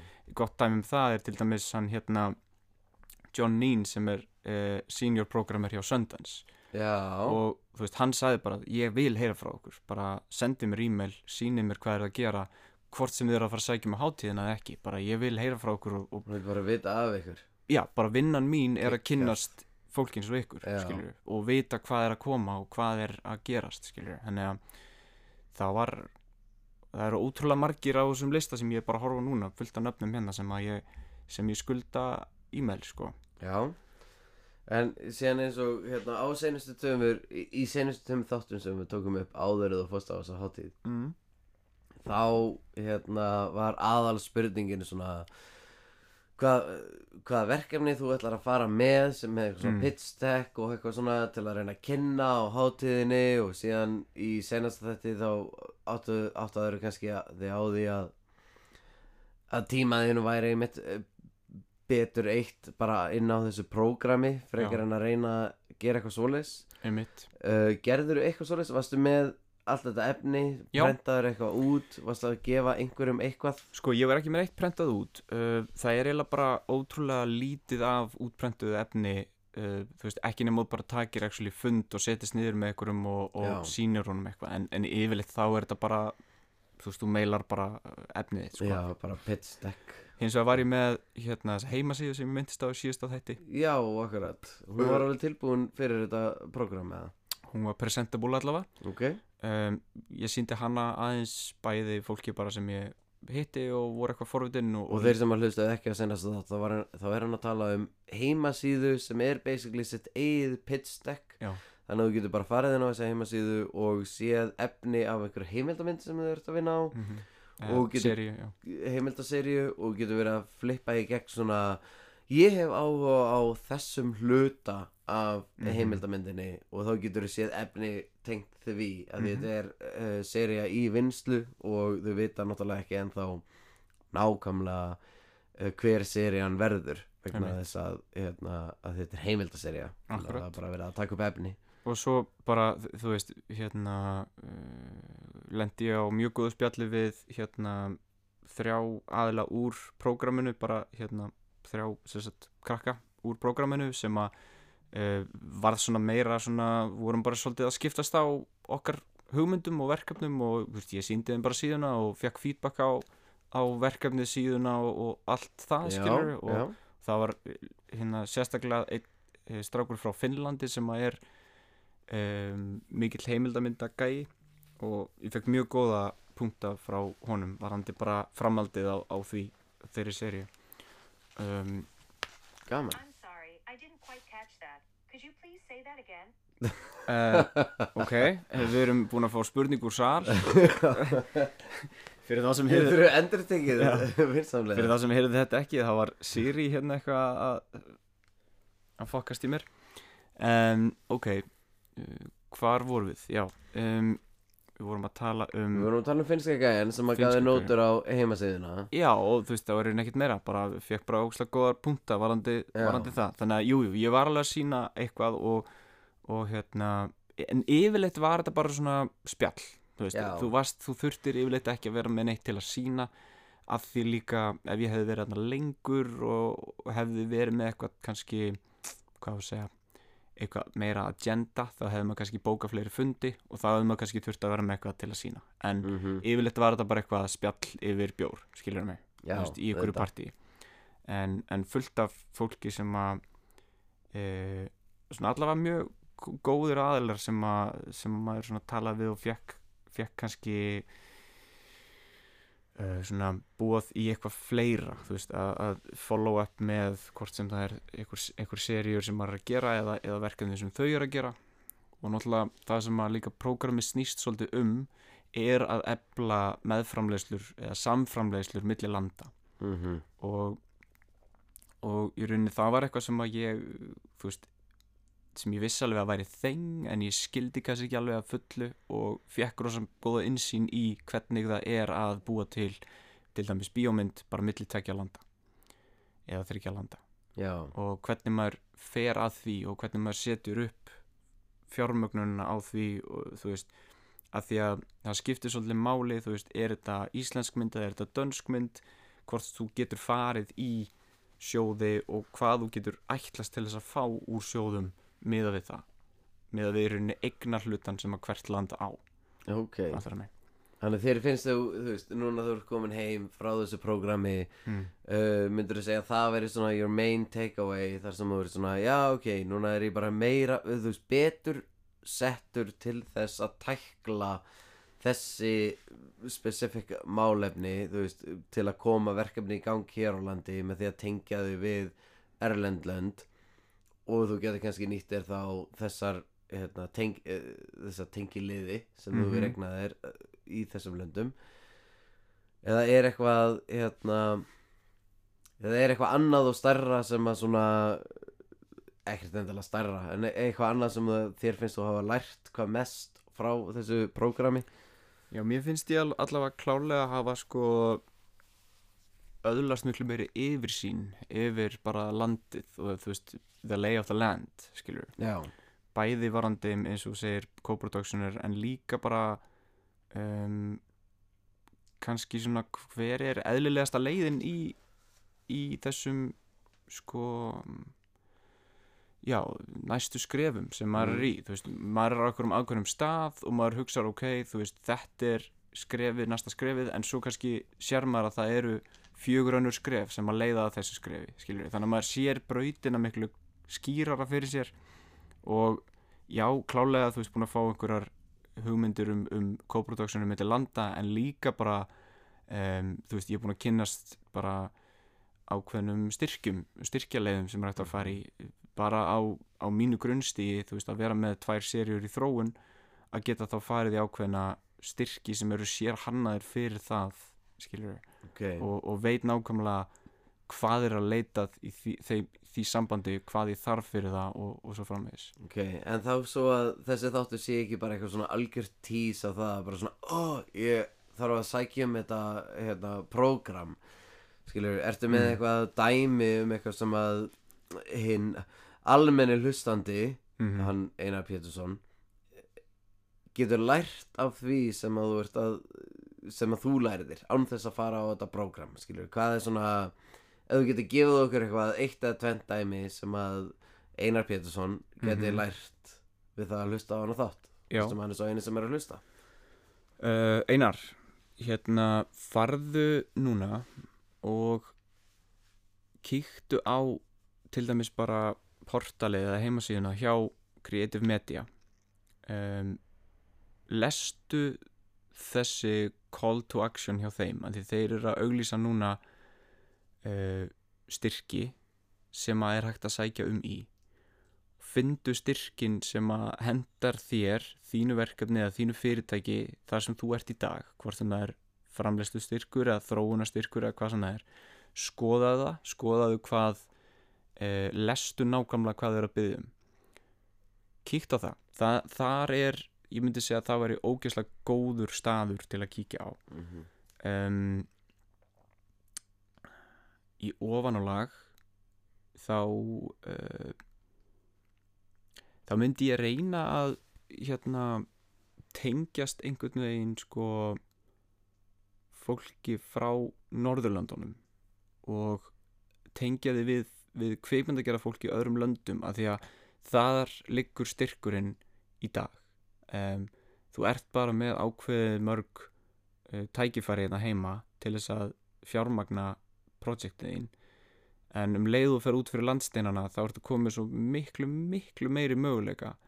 Og eða út með mannesku sem er lokal í öðru landi þekkir jafnvel eitthvað til þar uh, í styrkjakerfið eða, eða annað að geta þá unnið þetta í einhverju meðframleyslu með einhverjum öðrum. Það er ótrúlega stert og við, þú veist, tölum ótrúlega oft ég og þú um íslenska kerfið, íslenska kveikmyndasjóðin við vitum ótrúlega margt uh, um íslenska kerfið ef að við myndum partnera með einhverjum sem væri til dæmis bara frá Noregi skilur þá getum við hjálpað þeim aðila að fjármagna sitt verkefni með því að sækjum í meðframist styrk í kveikmyndasjóð eða Mhm. fara í rúf og fá eitthvað, eitthvað þaðan skilur og struktúra þannig fjármögnuna á hvort sem það er þitt verkefni eða annar verkefni skilur þú farið alveg mikið út úr því að vera co-producer og að vera producer skilur það er náttúrulega bara öðruvísi vinna auðvitað og, kannski eitthvað sem að maður hefur ekki áhuga á. En uh, ég held að styrkurinn liggi í Ég meina góð byrjun fyrir það sem hafa ekki áhuga á því sko Nei, þú veist, ég, ég er að segja bara að, Já, hérna, já. Að, að fara gefa sína eigin vinnu til einhvers annars og vera co-producer þó að þú viljir vera producer sjálfur þá er þetta bara mjög góðu leiði til að byrja á. 100% sko, 100% og bara þú veist reyndu að tengja þig við uh, fólk sem að er að gera svipaða hlut og þú þarft ekki að, að fara í eitthvað að reysa framlöslu fyrirtæki í Danmörku og segja hei, hérna, uh, eitthvað. Þú bara þarf bara að finna típur eins og þig sem eru bara vill svo til að fættust í Svíþjóð skilur við, og, og þið getur gert eitthvað beautiful saman. Eins og þeir sem eru veist, eins og í einhverju þætti þá varst þú að tala um það að hérna, þú verður að fá uh, e-mail frá alls konar erlendum uh, framleiðendum mm. sem vilja hafa samband við þig sem framleita þá skilur maður kannski, ó, þetta er kannski eitthvað svona lið sem hafi farið í gegnum eitthvað svipa prógram Mhm. eins og þetta Mm og skilur það, þau eru ekki að fara að senda sína beðinni til uh, True North eða RFK Nei, einmitt þeir finna einhvern aðila sem er að gera eitthvað efni sem er svipað á þeirra og er á Akkúrat. svona sama stað nefn í þessu hinu landinu og það algjörlega. getur bara verið í gegnum E EMDB Pro eða bara E EMDB punktur Mhm. og uh, fundið út hver þessi gæi er sem er að gera eitthvað svona efni í því landi sem að þú hefur öruglega ekki hýrt af af því að þá er það kannski gæin sem þú vilt hafa saman við. Akkurat, af því að þú veist það er engin gæi eitthvað típa eitthvað staðar úti sem er að fara að sækjum í íslenska sjóðin bara willy-nilly, þú veist, Nei, þú þart, þart know-howið, þú þart tengslin og þú þart að hafa gert þetta áður eða allavega þekkja til til þess að það gangi upp, sko. Já, alveg rétt. Og þú veist, og ef þú vilt gera eitthvað í Noregi þá ertu ekki að fara beint í þá sem að gerðu exit. Nei, nei, nei, nákvæmlega, þú veist, af því að þeir eru bara busy að gera hvað, þriðju eða fjóruðu seríu af því. Einmitt. Og þú veist, þú vilt heyri einhverjum sem að er á sama stað og þú. Mhm. og það tekur bara smá research að bara finna hvaða efni er frá því landi. Algjörlega, sko. Ég held að styrkurinn liggi í hérna, samvinnu milli landa. Já, og þegar að sérstaklega þau erum land sem er svona lítið að þá þú þart hjálp. Já, og það var alveg svona mjög hérna um, stert þema í gegnum öll þessi hérna alla þessa masterklassa eða þessa fyrirlestra að Ísland er rosa mikið svona út fyrir svega veist, við, við hitt, fengum einmitt fyrirlestur frá Netflix uh, þar sem að hún hérna Claire uh, sagði basically að já, við erum núna að fjár, full fjármagna uh, skandinavisk verkefni, það er að segja sænsk, dönsk og, og norsk en við erum ekki að full fjármagna íslenska finnsk verkefni. Og ég spurði hana bara reynd út af hverju ekki og þetta er bara einfallega skjáfjöldi. Þetta er bara subscription based ákvörðun það eru bara ekki nóg margir sem eru subscribed hérna af Netflix einfallega vegna þess að við erum ekki fleiri. Og þess vegna sjáðu ekki haksin í því að full fjármagna verkefni hér. Þau, þau gera það hins vegar sagt um, þau fjármagna að, að einhverju liti en aldrei full fjármagna að Hér er náttúrulega þau gera það með köllu. Ekki full fjármagnu, nei. Var það ekki full fjármagnað? Nei. Nú. Ok, en, en það samt sko, veist, eins og hve- hvernig sem að Katla fór og hvern, í Íslendinga og hvað fólki fannst um þá seríu þá, hérna, þá getum við alveg verið sammála um það að við höfum öll grætt á því ef að Katla hefði verið mega hittari. Mm og ég vildi óska þess að hún hefði verið bara fucking knock out the park mm. það var alveg umtalanir um það að gera aðra seríu og eitthvað svoleiðis en síðan þegar að kalla fór bara eins og hún fór Mm. þá var eins og bara Netflix hafa einhvern veginn svona ó ætli íslenski markaðurinn sé bara ekki nógu sterkur skilur Mm, til að gera já, meira efni það var allavega tilfinningin inn í bransanum einhvern veginn að hérna e, já, ég held að það sé samt ekki tilfinningin inn á Netflix. Og ég held að alveg burt sér frá því hversu góð eða slæm serían var þá held ég að þetta hafi bara verið jákvætt fyrir Ísland. Já ok. Um, allavega talaði Claire þannig að, að þú veist, hún var bara veistist bara rosa ánægð með þessa nýju íslensku seríu sko. ok. Og þú veist, það var ekki að heyra á henni að hún var eitthvað að, að halda sig frá Íslandi eða að þetta var einhvern hátt e, já, einhver, einhver steinn í götu ok, á milli þessa samstarfs. Og ég meina sko hérna HBO Max sem er núna hérna nýja streymisveitan hjá HBO uh, uh, Kristján Vækander kom til og- hann talaði okkur í gegnum Zoom reyndar hann var eitthvað starf í tökum í Suður Afríku eða eitthvað.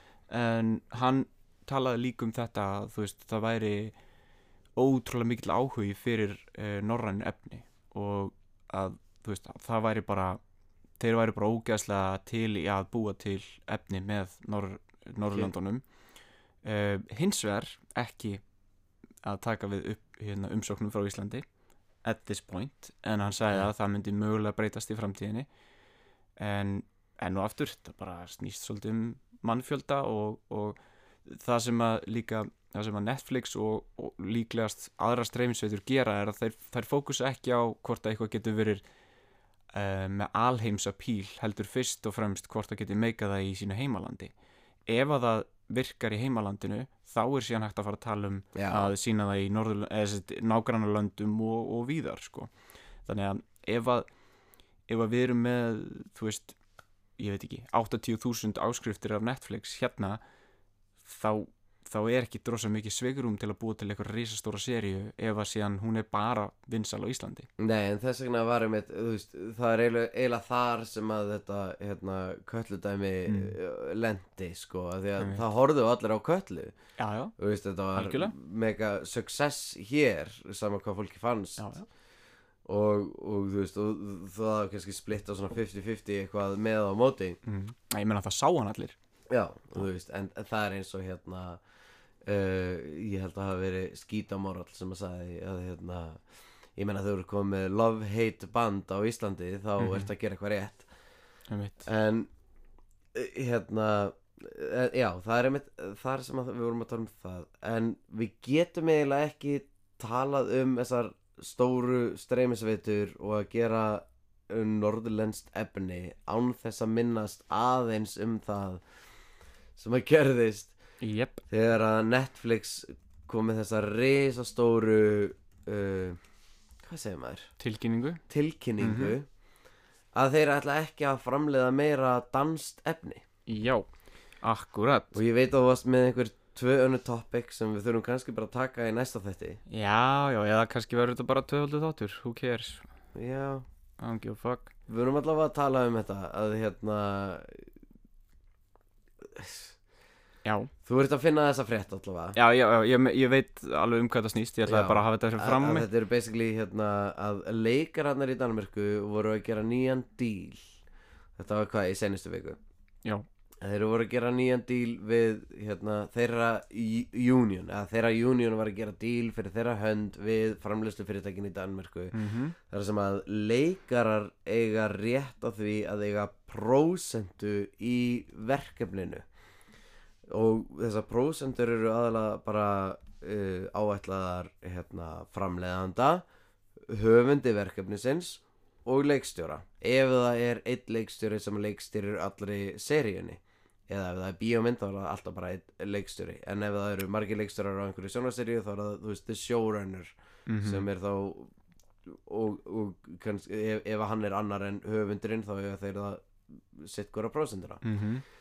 uh, aldrei hefur það týðkast að leikarar eiga í þessa prósendu nema í Hollywood Ég ætla að aðeins að, aðeins að stoppa Já. uh, Þetta nýja, þessi nýja samningur uh, nær til sagt, leikara, leikstjóra og hérna höfunda. Uh, Hinga til hefur það bara verið í rauninni framleiðendur sem að hafa uh, þessi í réttindi. Danmörku þá? Í Danmörku, já. Ok, ok. Þannig að hérna eh, þessi, þessi nýji samningur nær yfir í rauninni vissulega leikara eins og segir en, en það sem var að bætast við er í rauninni aukin réttindi renna líka til leikstjóra og uh, höfunda. og höfunda. Og það er eitthvað sem hefur ekki týðkast hinga til og gerir ekki hérna á Íslandi heldur og hefur aldrei gert. En uh, Ná, á Íslandi fá höfundar og leikstjórar einhverja prósendur nei nei nei, nei, nei, nei, það er stórmískilingur það er mjög nýlegt að hérna til dæmis Glassriver hafi verið að berjast fyrir því að, að hérna, höfundar mm. og leikstjórar fái fái prósendu í verkefnunum, það hefur aldrei verið þannig. Já, ok, þannig Nei. að það er eitthvað svona glassrefið dæmi. bara framleiðendur sem eru með prósendur engin annar. þú veist, ég einhver tíman sko 2013 eða eitthvað þá uh, var ég eitthvað að semja og hérna var ekki að sáttur með reytið mitt. Þannig ég spurði, ok, þú veist ef ég sætti við þetta reyt, getið þið að fengið einhvers konar prósendu í verkefninu? Og ég var bara hlegin út úr herberginu sko. Uh, þannig að það hefur aldrei verið einu sinni í, í myndinni að leikarar fái einhverja prósendu en vissulega núna síðustu ár hafa handritsöfundar aðeins verið að, að koma inn í, já, já. í, í það. Ok, fair enough. Um, já, þannig að þessi, þessi nýju samningar uh, nýju samningar eru að tryggja aukin réttindi og a result að þá vilja sagt, uh, Netflix uh, Viaplay og TV2 ekki lengur framleiða danst sjónvarsefni að því að sko við þurfum vel að skilja til þess að skilja um, ástæðuna fyrir að bakka út þá þurfum við vel að skilja munin á um, hérna styrkjakerfinu og streymisveitukerfinu og ég ætla bara að útskýra það í mjög stuttumáli mm -hmm. uh, styrkjakerfi virka þannig að þú farið yfirleitt uh, annarkvort styrk eða lán sem að eh, síðan greitt tilbaka þannig að það er mjög miklu fleiri sem geta komið að því að fá prósentu í verkefninu. Þú ert kannski með hérna sænska styrkin þá færðu uh, 100% af fjármagni uh, 50% af því þarf að borga tilbaka þegar þú breykar íven eða kemur út að nulli restin er bara styrkur. Um, þá ertu miklu meira svegrum til þess að gefa prósentu til dreifingaræðala til uh, þú veist, handritsöfunda whatever, framlegenda whatever. Hins vegar, uh, streymisveitur uh, þegar það styrkja eitthvað að fullu þá fara þær fram á 100% eignarétt Mm -hmm. og það er bara non-negotiable dæmi. Það er bara, það, þeir bara borga pening og þeir fá bara eignastefnið. Það er ekkert residual það er ekkert, hérna, engin prósenta hvort sem þú ert framlegandi eða annað bara ef þú það selur virkar svona líka í Hollywood. Uh, streymisveitur, já. Já, nema náttúrulega Disney Plus og svoleiðis streymivitur að því að náttúrulega það var þetta stóra uh, lögmál þarna, með Black Widow eða já, já, ég reyndar, ég reyndar veit ekki alveg nákvæmlega hvernig streymisveitur samningar virka í bandaríkjunum Nei, en svona allavega En það er sem að hafa verið að branching okkur out hérna. hérna í, í Norðurlöndunum. Já, fyrir okkur hérna þá ertu í rauninni bara að selja uh, réttin og bara, já, bara eingreislu rétt á sýningu, sýningarétt til streymisveitna og það er bara eignarétturinn er 100% eða, Mhm. eða nær, nær 100% þannig að það er engar þetta er ekki eins og Netflix sé að Nei, það er alveg rétt hjá þér eins og þetta Disney dæmi sem ég var að tala um það Mm. var náttúrulega vegna þess að hann átti að vera í the movie theater og þá átti hann að fá uh, bónus fyrir það. Fyrir ásókn, já, já. En síðan hvarf það og það út af því að það fóru akkurat, þannig að Ok. þetta, þetta er að er líklega það er bara 100% eiginar réttur á Já. streymisveitum þannig að eh, það er eins og ég segi það er ekkert engin prósenta to go around. Já. það er engin kaka sem er verið að splitta Netflix á þetta bara. Og ég segi Netflix, ég meina allar streymisveitur en, en ég segi bara Netflix til þess að einfalda ok, dæmið. Þannig að uh, ef að hérna eitthvað union er búið að semja um það að handritsöfundur eða leikari eða leikstjóri þurfi að fá 1, 2, 3% af eignaréttinum þá bara talar það ekki saman við streymisveitu kerfið sem að virka bara einfallega þannig að þú ert bara búin að selja réttindin í burtu. Mhm, alveg eins og þegar ég fyrir að leika í verkefni þá sel ég réttin að efninu sem er tekið upp af mér og ég fæ borgað tilbaka, þess að borgað í staðin ég fæ borgað eingreðislu sem er bara mín laun og ég á ekkert tilkall til efnisins for the rest of eternity. Ok reyndar núna Þannig- þegar þú segir það þú veist, ég veit ég að í allavega bandaríkunum þá fá handriðsöfundar samt sem aður residuals ennþá frá streymisveitum ok, En ok, það er, þú veist, þá setjum við það aftur bara og streymisveitur í bandaríkjunum, streymisveitur hér og það er þá kannski dæmi þá og það er þá kannski dæmi um það að verkalýsfélag eins og hérna eh, WGA WGA hefur og bara leikstjóra. hefur bara sami nógu vel til þess að, að Netflix þarf bara að beigja sig fyrir því. En að þeir sé fara að beigja sig fyrir einhverju, einhverju dönsku Já, er, náttúrulega bara, það er bara, þetta er ekki sama kaka hér. Nei, og þeir eru líka nýbyrjaðir að styrkja verkefna fullu í Danmörku. Mhm. þannig að þetta kemur á rosalega svona viðkvæmum tímapunkti þar sem að það er ekki búið að establisera einhver vinnusamband þarna á milli og fyrir þeim er þetta bara svona ó, ætlar þetta litla land ekki að spila með okkur? Fæn, við bara gerum okkar shit í Noregi og Svíþjóð í já, we don't give up, skilur við þannig að ég þó ég sé algjörlega 100% á því að, að höfundar, leikarar, leikstjórar eigi að fá sinn hlut fyrir sína vinnu þá er þetta að koma mjög erfiðum tíma að því að þú ert í rauninni ennþá í pínu svona byrjunar hérna, honeymoon phase með Netflix já, já. inn í þessum löndum uh, ef þú ætlar að fara að hræða þau í burtu núna að þá getur verið að þú eiginlegir hérna, einhver tækifæri setna mér En nú þegar ég heyra það svona, þú veist, þá er ég alveg sáttur með Danmörk að hafa allavega reynt á það. Algjörlega, að hérna, þú veist, að einmitt byrja sem fyrst frekar en að þið stablisera eitthvað svona. Það er svona sem við gerum þetta og síðan vera að berjast með eitthvað bara múrvegg sem að með Netflix er búin að búa til inn í landið. Akkurat. Þú veist, frekar bara, þetta er bara svona sem að virkar það hér og þá er það uh, já, já, bara mjög unexpected kannski turn of events að Netflix og allar þessar streymisvitur segja bara, já, ok, þá erum við bara ekki að fara að gera danst efni lengur. Einmitt. Það mun væntanlega fara út í það að þeir endur sem ég og vonandi bara fyrir okkur öll hérna í Norðurlöndunum vonandi munið þeir enda með að endur sem ég á einhverjum svona punkti þar sem að báðir aðilar eru sáttir en ekki bara eitthvað svona Danmörk svona ok skulum bara gera það sem að þið segið að því að þið eru Netflix. Akkurat. Þú veist, að því að þetta væri þá að leggja línuna fyrir öll hinn löndina því að þetta er eins og þú 100%. segir, við erum öll í the honeymoon phase já, já, hjá þessum stóru streymisveitum og við vitum að þessar stóru streymisveitur vilja gera þetta hér. Þannig að Mhm. kannski er bara málið að öll löndin hérna standið aldrei á baku þetta að fólk fái prósentur. Akkurat.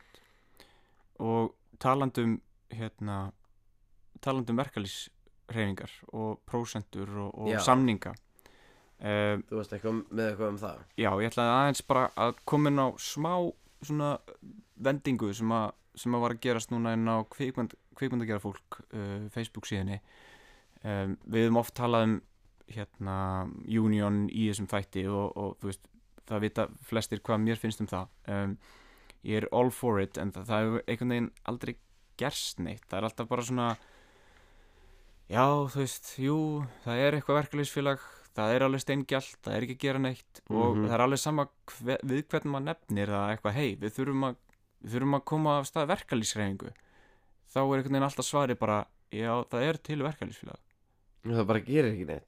Já, og það er vita það allir að það gerir ekki neitt en það er samt einhvern veginn þannig endar alltaf samræðunar uh, þannig að til á pappír þannig að hérna er uh, hérna mikið, mikið glæsimenni sem er hérna ljósamaður í, í geiranum. Uh, hann leggur hérna orðið belg og segir hæ hó nú er búið að hækka endurgreiðsluna og allir voða glæðir og vonandi fullt af verkefnum sem koma og brjála að gera. Mhm. hvernig standa verkalýsmálun hjá okkur uh, félag kvikmyndagerðamanna? Það er í hött að heilstjætt sem skapar þetta mörg störf og fullt af peningum í þjóðabúið sé ekki með fungerandi áhersla fungerandi verkalýsfélag og skrifi alltaf undir einhlega samninga. Er eitthvað verið að gera í þeim málum? Spurningamerki. Og uh, þetta er bara ótrúlega valid spurning. Já, Um, hvernig er fólk að taka í þetta? Það náttúrulega þú veist, eins og ég segi það, það er ekki fungerandi verkalýsfélag það er eitthvað verkalýsfélag sem er með ykkur hundra meðlumum eða eitthvað en það er ekkert að gerast þar. Allavega ekki svo ég viti það hefur allavega ekki verið neinn kynning á því sem þeir að gera. Kannski verið góð hugmynd að hérna, bjóða hérna, eh, þeim sem er rekur þetta stjættaliðsfélag Mm. í heimsókn já, og ræða við hann. Það var ekki, ekki vittlust um, annar hérna uh, leggur orðið belg og segir uh, eins og hérna eins og sagt hérna frá uh, þá er ekki margir skráðir í þetta verkalýsfélag sem er sagt sko með gæsalöpum. Mann eftir þegar átt að gera þetta félag að sterkum aðila þegar kemur réttindum kveikmyndagjara manna en það virðist sem saminning hjá okkur hafi ekki verið nægilega mikil í kjölfarið. Eitt af því sem ég hræðist er að þarna eigi eftir að myndast gjá milli erlendu framræslana og þeirra innlend, innlendu þar sem laun þeirra sem eru neðan kýstarfsfólks fær mun betur borgað í erlendu verkefnunum heldur en þær, þeim innlendu eh, fyrir ekki, heldur en þær innlendu geta keft við. Þannig að eftir kannski 1-2 ár verður erfitt að fagfólk, neða, fá fagfólk í þessar minni íslensku framræslur en það er alveg rétt að það er mikið uh, en það er alveg rétt að það er mikið að þegar kemur að réttindum okkar sem þarf að bæta úr. Núna undanfarið hefur borið mikið á næturtökum og svo líka vinnu og sunnudögum og finnst manni út í hött að það skulle vera á sömu kaupum og kjörum og venjuleg dagvinna sem við vinnum. Uh, þessu ásamt öðru þarf að laga. Mhm. og þetta er bara annar mjög góð punktur.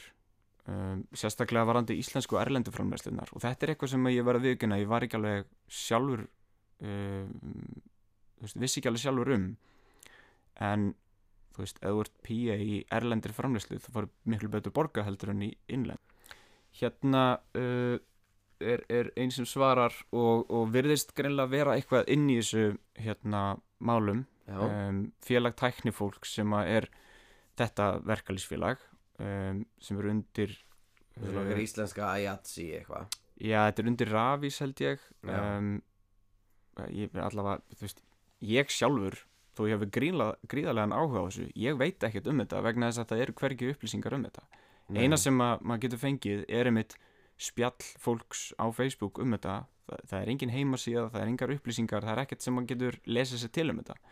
Hvað þá eh, búið fram, þú veist, einhverja aðstóð eða þjónustu eða, eða eitthvað Já, sko. og meira að segja þú veist þeirra sem eru í key stöðum eða þú veist key as in bara above the line mm. þú veist hérna félag rithöfunda er alveg með heimasíðu þar sem Mhm. þeir gefa út einhver svona texta já, þegar ég flutti fyrst til Íslands frá Bandaríkjunum mhm, og var að gera mig fyrsta samning hér mhm þá vissi ég ekkert hvert ég átt að leita ég leitaði bara í þessa heimasíðu þó ég var ekkert hjá þessu félagi en ég Mhm. bara svona hér þeirra texti og þú veist við skulum hérna uh, semja í kringum það. Einmitt, og það var bara svona hvar fegstu þennan texta? Hvaða texti er þetta? Já. og ég svona frá félagi reytöfundarsamvættur já það notar enginn þennan texta. Nei. hvað, ég veit ekki einu svona hvað þú ert að tala um. Nákvæmlega, þetta er bara eitthvað út í hött. Einmitt. Og, og, ég er svona ó hvern, þú veist og þá þarf ég bara svona að ringja í fólk sem ég þekki Já. í bransanum til að svona hvað fá, fær, fær fólk borgað og, og ég myndi að ef þú værir ekki með þau Já, þá nákvæmlega. kontakta, þú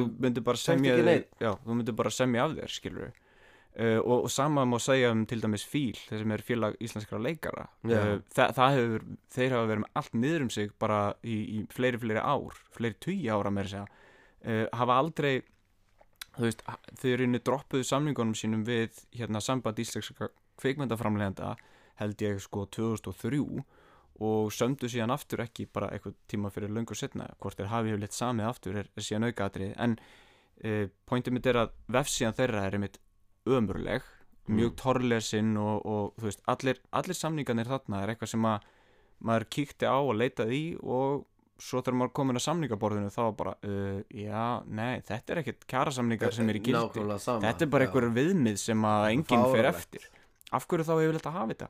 Þetta er allt steingælt og hérna, það sem ég ætla að segja var að, þessi sem að virðist vera eitthvað inn í þessu hún segir uh, hérna sem svar, hún segir þið getið gengið í félag tæknifólks en kjaradeild félags kveikmyndagerðamanna og félags sýningastjóra í kveikmyndahúsum saminuðust félagi tæknifólks í april 2020 gengi verður að samningaborðinu við samtök yðnaðarins í oktober til að framfylgja fjölskylduvætni kveikmyndastefnu beinið frekar fyrirspurnum til tæknifólk.is og hérna e, þannig að það er greinilega einhver að fara að samningaborðinu til að semja um einhvað en fyrir hvern og, og hverjir hafa, hafa sko hagsmun að gæta varandi það og, og hver er í rauninni um, fyrir hverju verða berjast? Hver eru baráttumálin, hvað vilja þau semja afsaki, hvað vilja þau semja um? Er einhvern veginn að vera að vóta inn í þessi hérna, félög? Þú veist, ég, ég man ekki eftir Er það menn í stjórn Já, í stjórn. Ekki svo ég veit, ég veit ekki hverju er stjórn. Ekki það ég sé í þessu félagi Ég, bara, ég veit ekki neitt. Og það er mynd vandamálið. Það, það, það hérna um, Hérna kemur annar með, með mjög gott svar og segir Ég skráði mig í einhverju írafár á sínum tíma í FK og Rafís vegna stöðugrar umræðu innan bransans. Þetta var á, einmitt á, fyrir nokkrum árum það sem að allir voru að tala um að, þú veist, verkefnisfélag, við getum skráð okkur hérna, da, da, da, og margir sem voru að, að tala um það að þetta er því rosa flott. Uh, hann heldur áfram. Það eina sem ég heyrði var töð yfir því hversu fáir skráðu sig og lítið var á, litið var á skortin á meðlumum sem afleðingu einhvers konar hunsunar eða áhugaleysis á málefninu. Sannleikurinn er þó sá að það er í raun engin sjáanleg starfsemi innan FK, félagveipndagjaramanna, önnur en fréttabref, annan hvern blóðmána, ekkert outreach, engin sjáanleg einstaklingsstjónusta, engar aðgengilegar upplýsingar, aðrar en lög félagsins, stjórnarmenn og einhver tíu ára gömul námskeið. Svo verktakar vaða í villu og reik. Maður rekur ekki verkalýsfélag á sjálfbóðaliðum og einhver vonar glætum að samstæðan sé svo að fólk gangi blind í einhver félag sem að er ekki einu sinni með stefnuna sína á heimasíðinu sinni og engin raunveruleg áform um myndun á kjærasamningum. Hafi markmiðið með samvinnu við Rafís verið svo að koma á laggirnar kjærasamningum fjall þá döf eiru. Það þarf róttakar aðgerðir til að mynda almennilegt verkalýsfélag. Þar aðgerðir verða aldrei að veruleika fyrir en framleiðendur verkefna og eða æðstu menn hverjar deildar taka þátt í myndun þess og fara fram á aðild tíðsfélags vilji tíðir verktakar vinna í þessum bransa. Áhugaðleysir geta þá gengið þyrnum stráðan veg syndarinnar og séð hvernig fer fyrir þeim. Þar til það gerist, mun bransin halda áfram að rembast eins og rjúpa við staur þegar kemur að réttindum sínum og vinnutíma. Það má vel vera að sé búið að hugsa fyrir þessu öllu saman og að FK sé með allt á hreinu, en fræðslan er ekki til staðar. Einstaklingstjónustan er ekki til staðar og nálgunin er ekki til staðar og markmið FK á engan hátt almenn vitneskja fólks í þessum bransa. Vá, Mm. bara Já, vel fucking mælt, sko. vel mælt Já, Jésús, þetta er einmitt ástæðan fyrir því að við erum búin að tala um þessi verkefliðsfélög bara, hvað, 15 hvað tátt eða nákvæmlega. en það er alltaf eins og við séum bara að sparka í döðan hest Án gríns, það er ekkert að gerast. Eða allavega, það gæti verið eitthvað að gerast. Ég veit En það við bara ekki. vitum ekki af Við því. vitum það ekki. That's the thing. That's the fucking thing, sko. Það er eiginlega, ég held að við ætlum að gera þátt þar Mhm. sem að við heyrum í öllum helstu stjórnundu þarna og Já. spyrjum hvort við getum bara ekki fengið að ringja í þau bara Mhm. 5 minúta símtal eða 10 minúta símtal Mm og tekið bara hvernig veit, bara til að útskýra sína hlið á Já, málinu já. ánum þess að vera eitthvað að grilla þau í Já, síman já, algjörlega. Og bara fá að heyra baráttumálin, þú ef þau eru að fara að ganga samningaborinu í oktober, um hvað? Um hvað snýst það? Fjölskyldu væn kveikmyndastefna, hvað þýðir það? Já, eða þú veist, það er maður, maður getur ge giskað í yðunar en maður á ekki Sure. að giska í yðunar Nei, bara hver eru nákvæmlega málin sem við viljum ná fram? Já. Bara, við viljum ná fram tíu tíma dögum. Við viljum ná fram auka greiðslu á nætutök. Þú veist, það getur þess vegna verið að þau séu að segja að þau vilja fá í- ísbjörn í hústýrgarðin Akkurat. Það þess vegna sko. Það þarf, það þarf nefnilega bara upplugt utanumhald, það þarf skipulag og það þarf drifkraft frá blönduðum hópi. Það þarf að gera svona ákall til fólksins í geiranum til þess að virkja þá, upplýsa um stöðuna og framgang mála.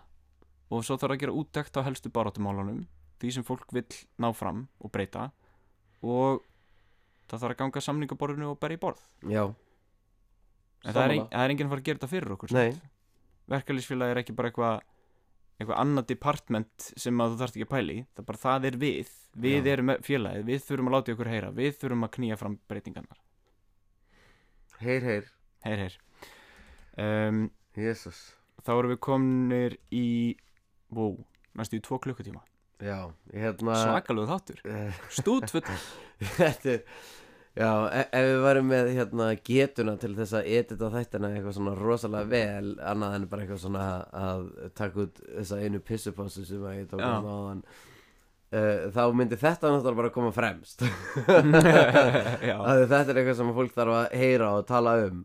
Mm en hérna en ég heldur síðan bara dottin inn í gullkorn ég veit að það varst með eitthvað Já. eitt annað topic sem að mun örgulega færast yfir á næsta þú veist, Já, við já, vildum já. tala um þau verkefni sem er að koma inn í haust og, Já, já, og það er nægur tími til 35%. þess, maður. Það er nægur tími og líka fínt að þú veist, við vorum ekki alveg með á hreinu nákvæmlega hvaða verkefni Nei, erum að fara í gang nákvæmlega. á hvaða tíma Tjekkað eitthvað á þeim og eitthvað en, kannski getum við fengið smá smá aukin hérna já, en Aukna þá voru heima það bara gullkornin já maður, sem að uh, ég er að fara að klippa þannig þátt eða ekki? Jú heldur betur. Þannig að þú ert með gullkornin í ár. Heldur Í betur, ár. í ár, já.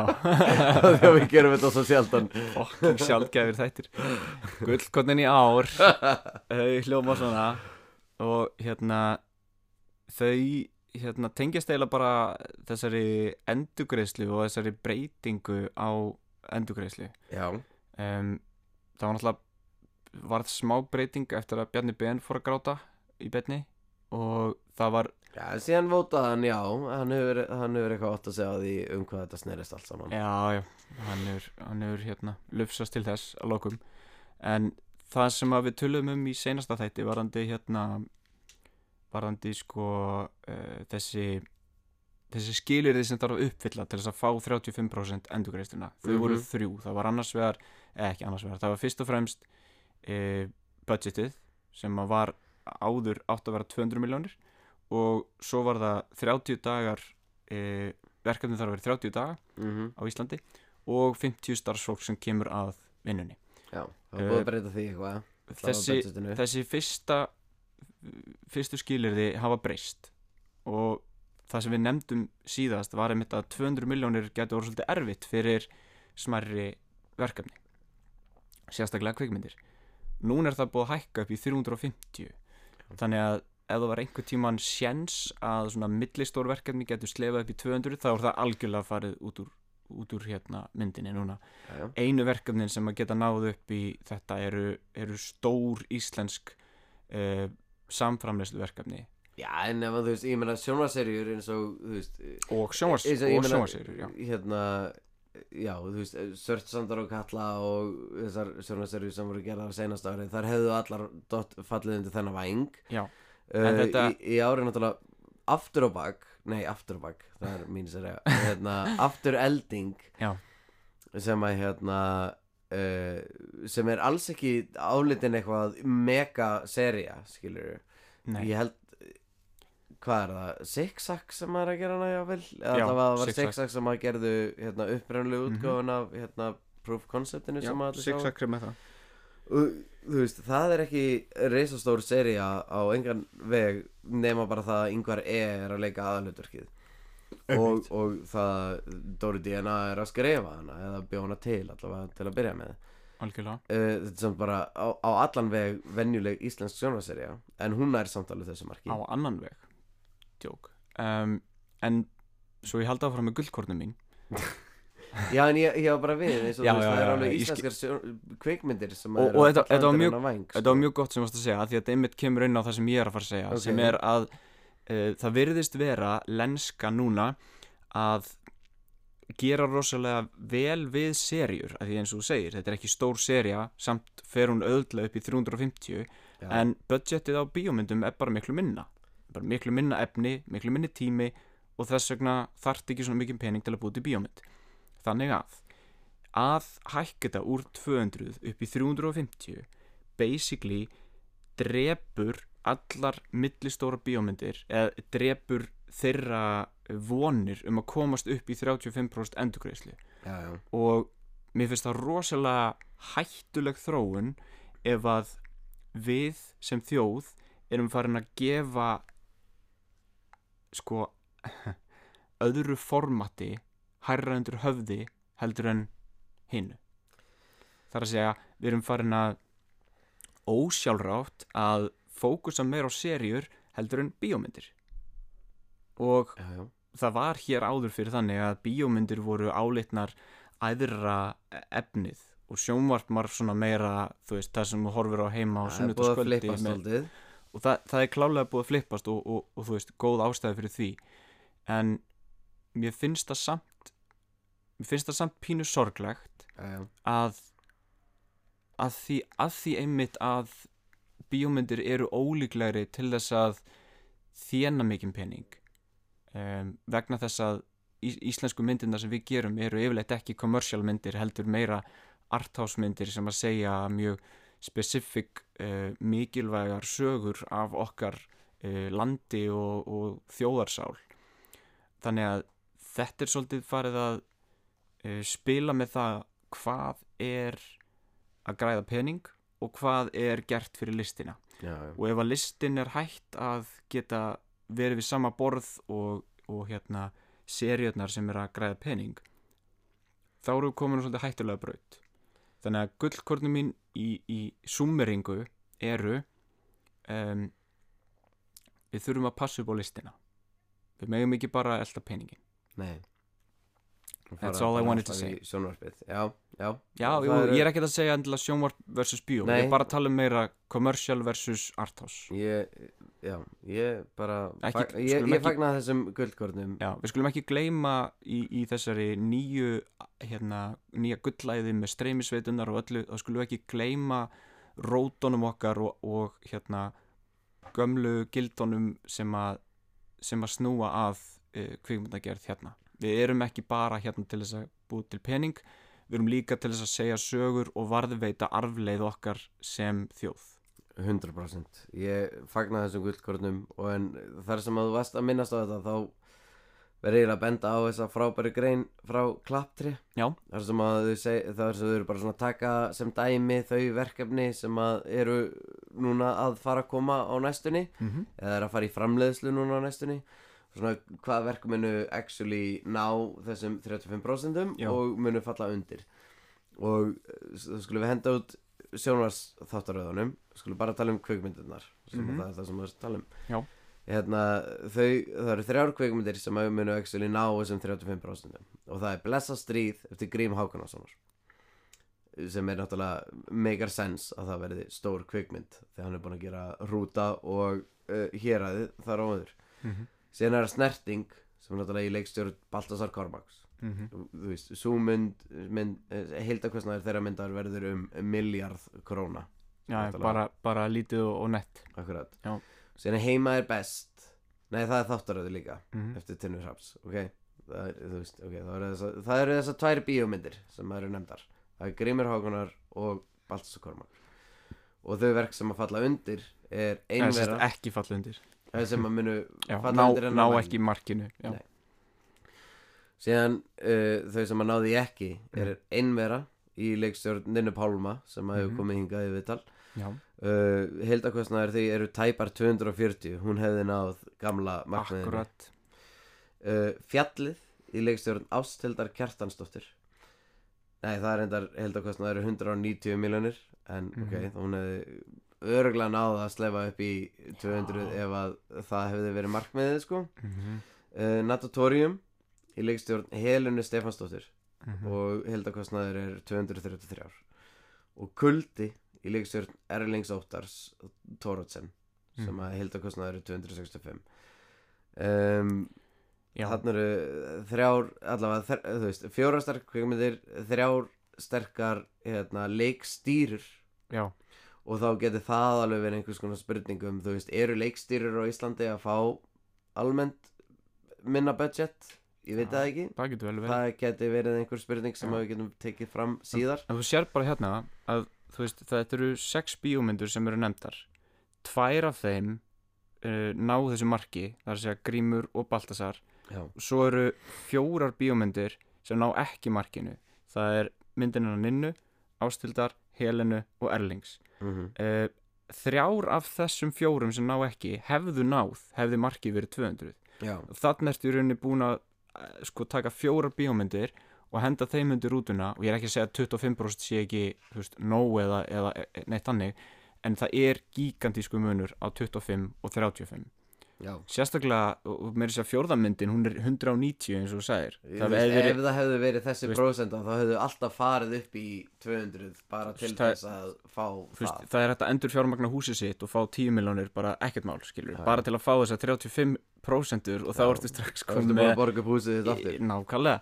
Þannig að þannig að þetta er strax farið að hafa áhrif á uh, bíómyndir og það er reynda bara ein þáttaröð hérna sem, a, sem að næri ekki upp í það og hún er með þess að sjálf í 190 þannig að hún hefði náð hefði þetta verið 200 þannig að þetta er svolítið svona já, hvað var að segja, þetta er þetta er erfitt og, og mér, mér líst ekki alveg á það að, að bara balti og, og einhverju svona stóri kallar og náttúrulega sjónvarserjur geti náð þessu marki á meðan hinnir þurfa einhvern veginn að vera second class uh, að því að þeir eru að búa til einhverjar artásmyndir mér finnst það bara, mér finnst það ekki make a sense Já. mér finnst það bara ekki make a sense Já, við En- getum bara vonað Ja. eftir hérna, frekari breytingum en eins og aðrir hafa bent á að nú þegar þeir hafa náð allavega 35% fyrir þessi stóru verkefni þá eru náttúrulega stóru lagsarnir eins og veist, Leifur hjá True North sem var náttúrulega svona aðal hva- hvati þess að breyta þessum lögum mm -hmm. Uh, hann er kannski ekkert endilega að fara að eitthvað að setjast aftur með uh, ráðherrum Íslands til þess að breyta lögunum ennþá fremar að því að frekar að því að Nei og, og hann er ekki að díla við verkefni sem eru á þessum litla skala. Nei, akkurat, það, það tengist honum í rauninni ekki neitt hvort þessi 200 og 350 hann er alltaf af- yfir, yfir miljardi gerir ráð fyrir á öllum verkefni sem hann er á. Um, en þú veist, en að því að hann var svona aðal kvatamaður þessum breytinga mm og þá eru hinir sem eru svona sem minna mega sín eru svona já ok, núna þurfum við að finna einhvern nýjan aðila til að Mhm. vera þessi sem að tekur á skrefið og reynir Mhm. að breyta þessu aftur. Og það er náttúrulega á ekkert snerta leif neitt, þú veist, hann á ekkert að þurfa að vera eitthvað með einhvern mórali við því. En það sé, þú veist en það er samt komið að hver er næsti aðili -hmm. sem að er að fara að taka í skarðið og fara Afskarið, að vinna já. þessa vinnu sem að hann gerði og er búinn að gera hvað séðastu síðan að Northman var mm. ekki tekinu upp hér og og átti að fyrr. vera tekinu og líklega fyrr, já, líklega fyrr. Já, algjörlega Það er- Algjörlega. já, En- er Nú skulum við hægt að tala. Depressing gullkort Nei, nei, nei, nei, alls ekki. Þetta er, þú veist, nei, alls ekki. Ég fagn þessu og, og þetta þýð bara að það eru fleiri verkefni að koma en eins og já, það er incredible framtíðin hérna með Hollywood verkefni hér. Já, en eins og þessi ljósameistari myndist á hann á Facebook að það er núna er tíminn til þess að, að við þurfum að, að spurja okkur svolítið erfiðra spurninga að því að þú veist, það er að koma rosalegt flóð af verkefnum mm og ef við pössum okkur ekki þá erum við bara öll að fara að enda í burnout sko. við þurfum að, að, að hérna, geta við þurfum að geta staðið uh, upprétt eftir þetta verkefnaflóð. Og skál fyrir því. Skál fyrir því. Ding, ding. meira punk, minna helviti Ah,